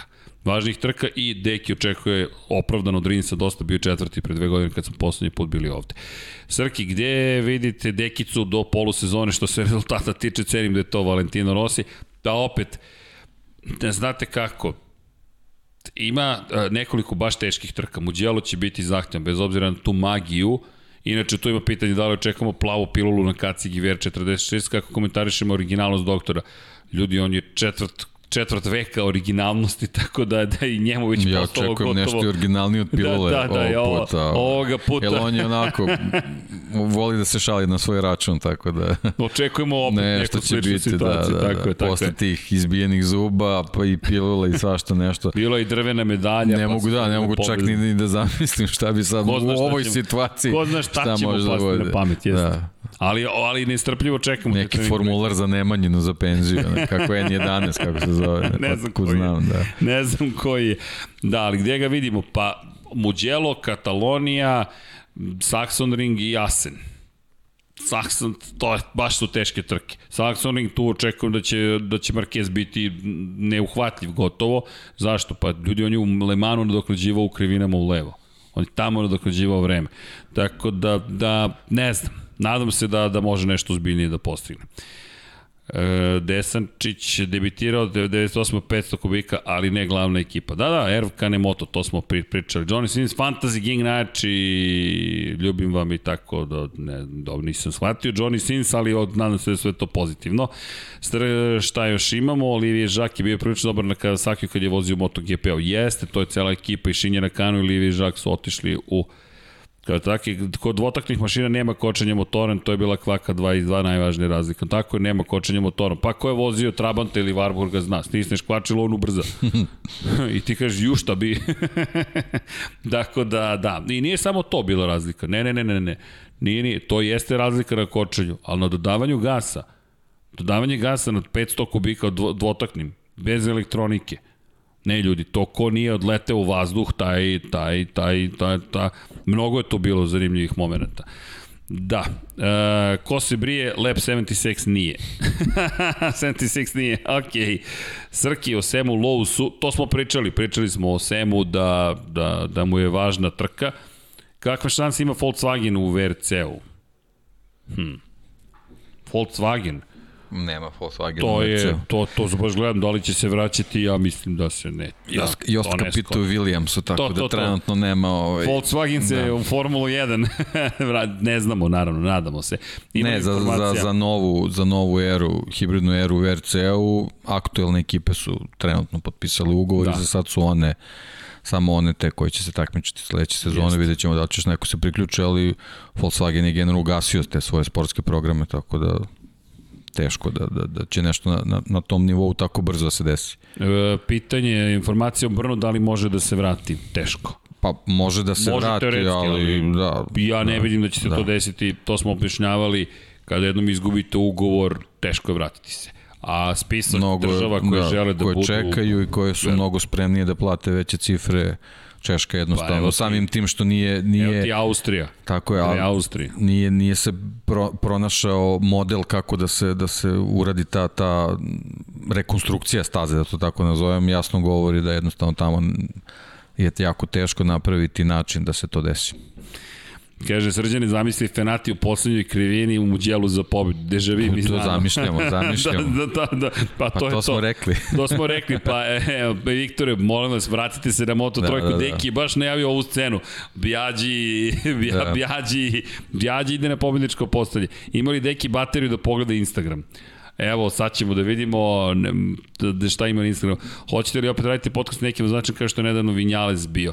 Pa nadamo se da hoćemo. Nadamo se da hoćemo. Radimo svakako na tome kada se gleda zatim tak, tak, tak, vaš dream team, ali to smo samo jedna stvar, na koga tipujemo moto dvojkama i trojkama na pobedu, to nismo nužno rekli koga bismo tipovali da će da pobedi, to smo rekli nemoguće misije, ali, ali hoćemo, Fenati smo rekli za moto trojku, to smo rekli, ali moto dvojka, i kad, ko će da nam pobedi u moto dvojci? Bec ili Dijan Antonio? Lowe's. Lowe's, a o, ej, slično mirišemo neke stvari, da, moguće da će Lowe's, ali znaš šta, ja mislim da će Raul Evo ti Fernandez. pitanje sa, Da, sa ovaj, Instagrama. Ko Da. deluje da bi mogao da sustigne i parira do kraja sezone Kosti u Moto3, ako takav vozač postoji? ko deluje da bi mogao da mu parira? Pa meni niko. Na taj način moram Pa priznati. da- meni, meni od, od izdanja vozača koje smo videli može samo Masi- Masija, ali pod uslovom da postane konstantan. Garcia je mnogo Razlika gore je ogromna. No, ne, ne, pre, pre, Ogromna je razlika. Mislim Evo da je samo, kasno. samo da, da, da, na primjer, Masija veže dve, tri pobede, ako Kosta bude drugi, to ne znači ništa. To je, to je taj veliki Bukvalno. problem. On, on im je baš ih iznenadio i, i, Pa ajmo ovako, Sergio Garcia i gore im dole. dao fore. Andreja Minjo Da. još nema pobedu, nema već četiri godine pobedu od, od Muđela. Fođa, nema ga nigde. Artigas tek uči. Alcoba previše grešaka. John McPhee jedva da ima poene. Koga još možemo tu da dodamo? Fenati opet, gore dole. Derin Binder ima previše pehova. E, Vrlo, vrlo teško. Naravno, to može da se promene u narednih nekoliko trka, ali Acosta deluje mi da je napravio kritičnu već sada tu prednost i drugo što momak jednostavno ima i ekipu oko sebe i, i što kaže Deki, to je projekat. Ljudi, on je projekat. To je sada već projekat gde će svi učiniti sve što je moguće da odbrane ove pozicije koje imaju. Da li Evans može ove godine do, do naslova ove godine u VRC-u? Nusmir pita. O, Elfin Evans, Elfin da, da, Evans, da, da. naravno, Da, naravno. Sad da. je ovom trkom je po- pokazao koliko je spreman. Mislim, generalno dobili smo trećeg pobednika na, na četiri relija. O, Ožije ima dve pobede, Tanak ima jednu i generalno vodio je, ovaj, stvarno ima izuzetan tempo je imao u Portugal, onda se desi taj bizarni kvar sa ogibljenjem, čovjek je vozio i samo u jednom trenutku snimak iz helikoptera i vidiš kako, mislim da je zadnji desni točak, kako skakuće, bukvalno bez, bez ogibljenja, krene, kreće se vuče za automobilom i, i Tanak je morao da ustane, Elfin je bio spreman, naravno, obe ručke prihvatio poklon, izvezao vrhunski ovaj, završnicu, završnicu relija i on sa, sa, mislim, dva druga mesta i pobedom na samo dva bode od Ožije, tako zašto ne, vozi, vozi isti automobil kao i Ožije, ekipa je sjajna, ovaj, Jari Mate Latvale kao, kao šef tima, super to sve organizovao i mislim zašto da ne, Elfin je pokazao da je sjajan vozač.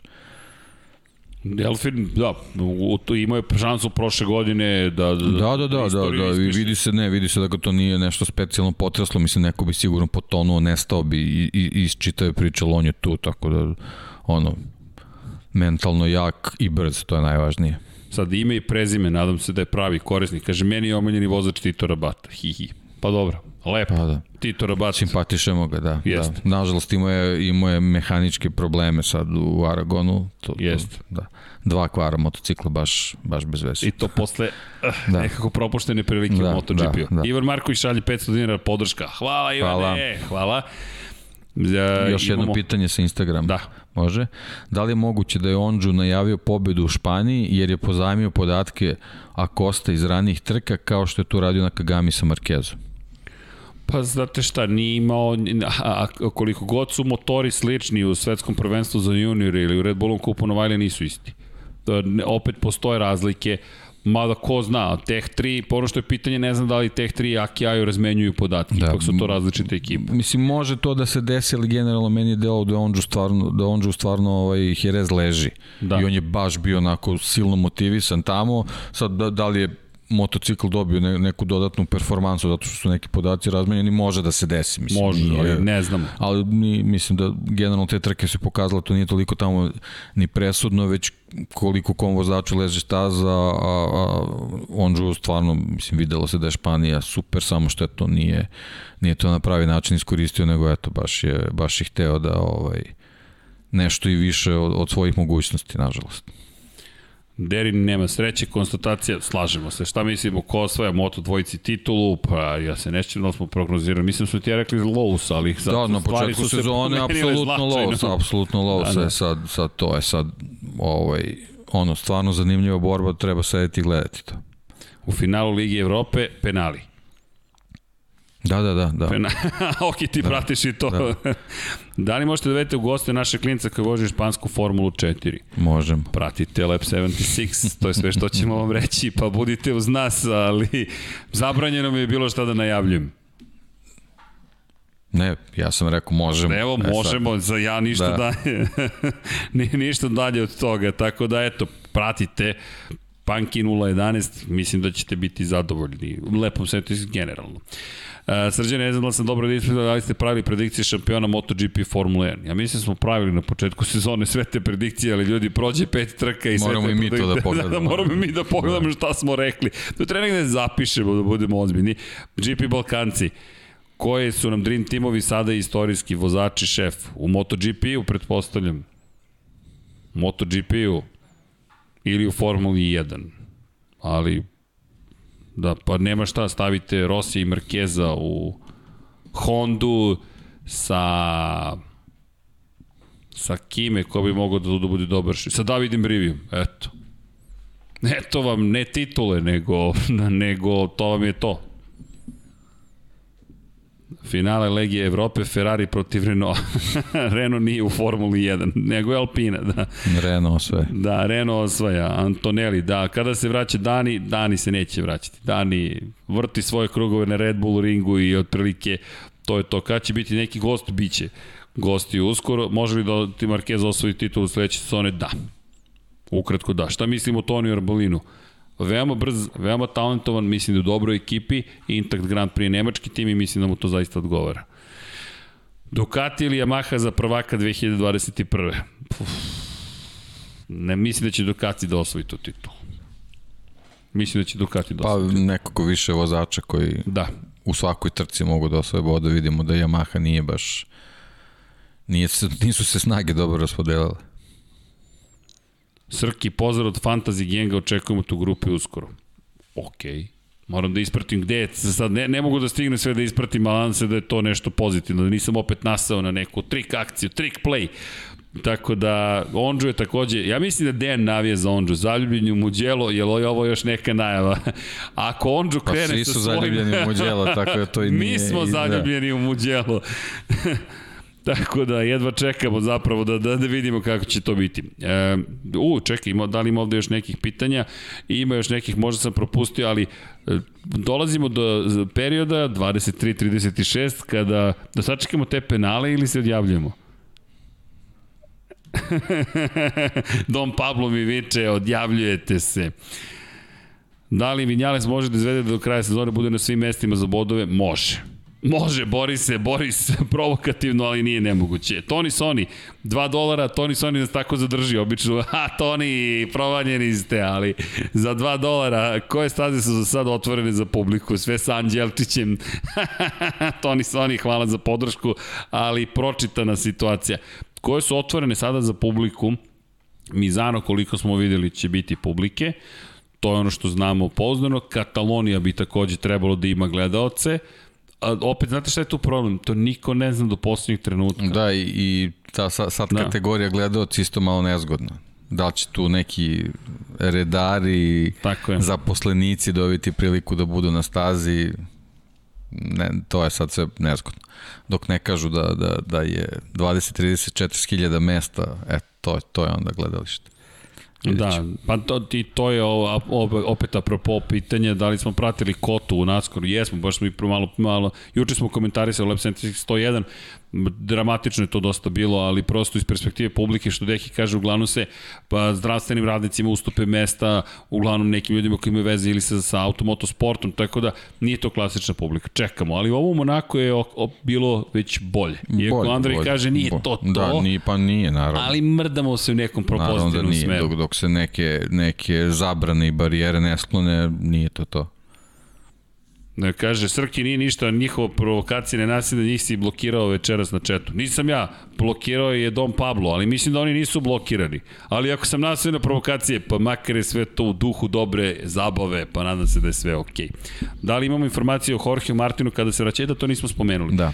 Jorge Martin bi trebalo da se pojavi. Trebalo da se vrati u Muđelu i mislim da je dobra odluka Jeste. što to preskaču, jer generalno nisu sigurno dobro upoznati sa njegovim zdravstvenim stanjem dok ne sede na motociklu Muđelu. Mislim da je dobra odluka da ga Michele Piro menja, pošto Tito Rabat sad već ima obaveze Superbajku, to je već malo, malo komplikovano, tako da Piro je... Samo to Piro živi u Muđelu. Piro je, pa, kažem, Piro je odlična staze. zamena za ovu priliku Jeste. i mislim da je i za Jorge Martina odlično da se i on pojavi u Barceloni. Jeste, to je... Posle, to je... posle ovog dužeg, dužeg oporavka. Pa ima tu par stvari. Pojavljuje se na domaćem terenu Španija je, Zatim staza je milosrdnija, mnogo milosrdnija. Muđelo ljudi je opasan. Mislim samo samo da da da okružimo, on se potpuno poravio i i počeo je sa treninzima i se pripremava, tako da Jeste. mogu je da vozim u dželu, ali ja pozdravljam odluku da, da preskoče. Jeste, I, i mi ga čekamo sledeće nedelje, kažem, je mnogo milosrdnija staza, domaći teren, to ne znači da je to nežna staza, to tu opet i Jorge Lorenzo doživio stravičan udes na testiranju u ponedeljak u 2000 koje beše 19. godini posle one čuvene trke to je udes koji je potom i doveo do spleta tih okolnosti koje, koje, koje, koje su kulminirale njegovim, njegovim penzionisanjem. Tako da to jeste ozbiljno, ali Muđelo je zastrašujući. Bukvalno zastrašujući, tako da lepo si rekao. Pozdravljam. Evo, Igor kaže Banja će biti šampion. Ne znam, mi, mi negde verujem, ja, ja se lomim između Banja i iskreno i Kvartarara u ovom trenutku. Mislim da će on imati zaista da će tu biti zapravo velika bitka između dvojke. Like, like, like. Da, udrite like. Dakle, udrite like, jer završeno penali, pali, nisu, kako šta se događa. Ali, šalu na stranu, vreme polako da se odjavljujemo. Kad spomenete like, like, like, da, da spomenem Luku, Dakle, vratit ću se opet na ono čega smo počeli. E, hvala vam puno za, za, za podršku. Znači, svaka vrsta podrške, kada je reč o, o onome što, eto, mi spominjemo, Luka Stojanović je u pitanju, stavit ćemo još jednom link u, u chat, ukoliko možete da podržite momka, zaista bi značilo, Marko Sejzmović, mom, naš drugar, je prosto iskoristio priliku da ponudi svoje autograme, to će ići na aukciju na Limundo, organizujemo to polako, prosto da završimo proceduralne obaveze, 928 na 30 30, zašto?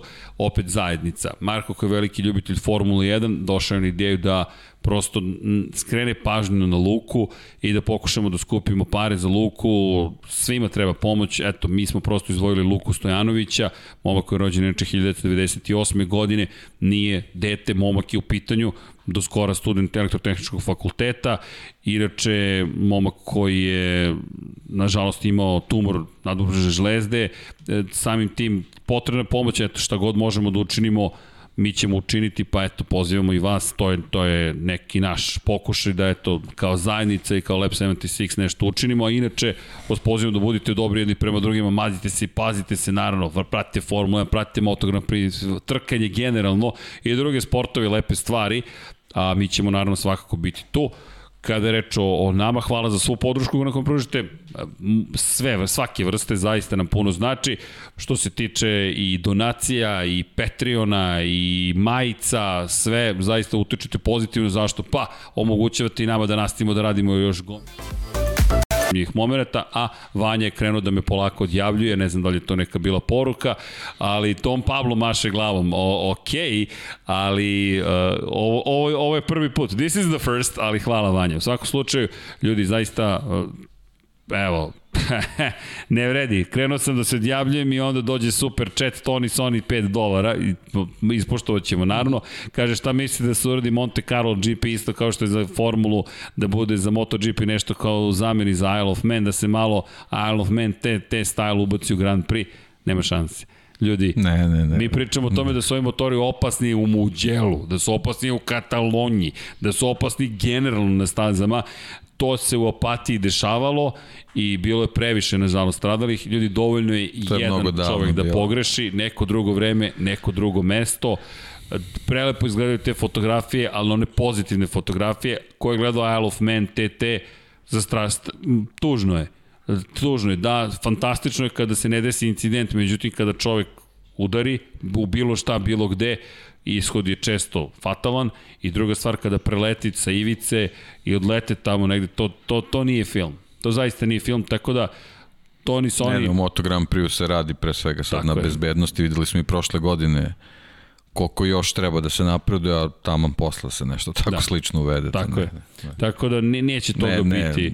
nije tema uopšte. Prosto jeste. Tako da o, to, o tome čak ni ne razmišljaju, verujte. Ali da, zvuči egzotično. Kada bi mogli da budu bezbedni nekim čudom, nekom specijalnom tehnologijom, verujem da bi svi želeli to da probaju, ali još nismo toliko napredovali kad je reč o, o, o bezbednosti i medicini. Možda jednoga dana uspemo. No, za kraj, Velika nagrada Italije u Muđelu. Muđelo se vratio u kalendar, vratili smo se kući, bi, otišli smo u grad u Formuli 1, sada idemo van grada, idemo 20 km van. Firence, ali ljudi morate, morate da gledate trke u Muđelu, zato što je to jedno najdivnijih, najlepših i najbržih staza, sva zbivanja oko staze, priče o tome da li će Ducati potvrditi saradnju sa Rossijem, šta će to značiti, koliko motora, kojih motora, koju kacigu će nositi Rossi, da li nešto može specijalno da postigne, da li će Banjaja da zabeležiti prvu pobedu ili Zarko, Ducati, Ducati, ili će Miller napraviti treću pobedu za redu, ili će Fabio Quartararo na Yamahi da iznenadi, ili će ako padne kiša Mark Marquez se odjednom tu I pojaviti. Suzuki da šokira. Ili će Alex Rins zajedno sa Suzukijem i Johnom Mirom da šokira, ili možda Aprilia, ko zna, koja ima rezultate testiranja po mokrom, zahvaljujući Andreji Doviciozo. Doviciozo, sve su to samo pitanja. Takaki Nakagami za domaće Lučiće Kinelo Racing, Alex Marquez, KTM-ovci možda otključaju nešto, a onda imate Moto dvojke, da li može Remy Gardner, koliko? 34 godine posle tate da slavi na velikoj nagradi Italije. Istina, u Monci tata slavi, ali možda Remi može da slavi za povećanje prednosti u šampionatu sveta. Monci. U Monci slavi, ej, u Monci MotoGP. E, To je, eto, zašto u Monako, možemo u Moncu. To sve ćete vidjeti i pride da vidimo šta će Pedro Acosta. Ako vam nije dovoljno, imamo Red Bullov kup Novajlija. Mislim da je to više nego dovoljno za Mugello. pozivnica. I pozivnica naravno da pratite sve ono što će se događati tokom vikenda. Veliki pozdrav ime cijela ekipa Infinity Lighthouse i Lab 76. Mazite se i pazite, vozite, vodite računa, vozite računa jedni drugima i naravno Povezite računa. povezite računa jedni drugima i naravno, ćao svima. Ćao.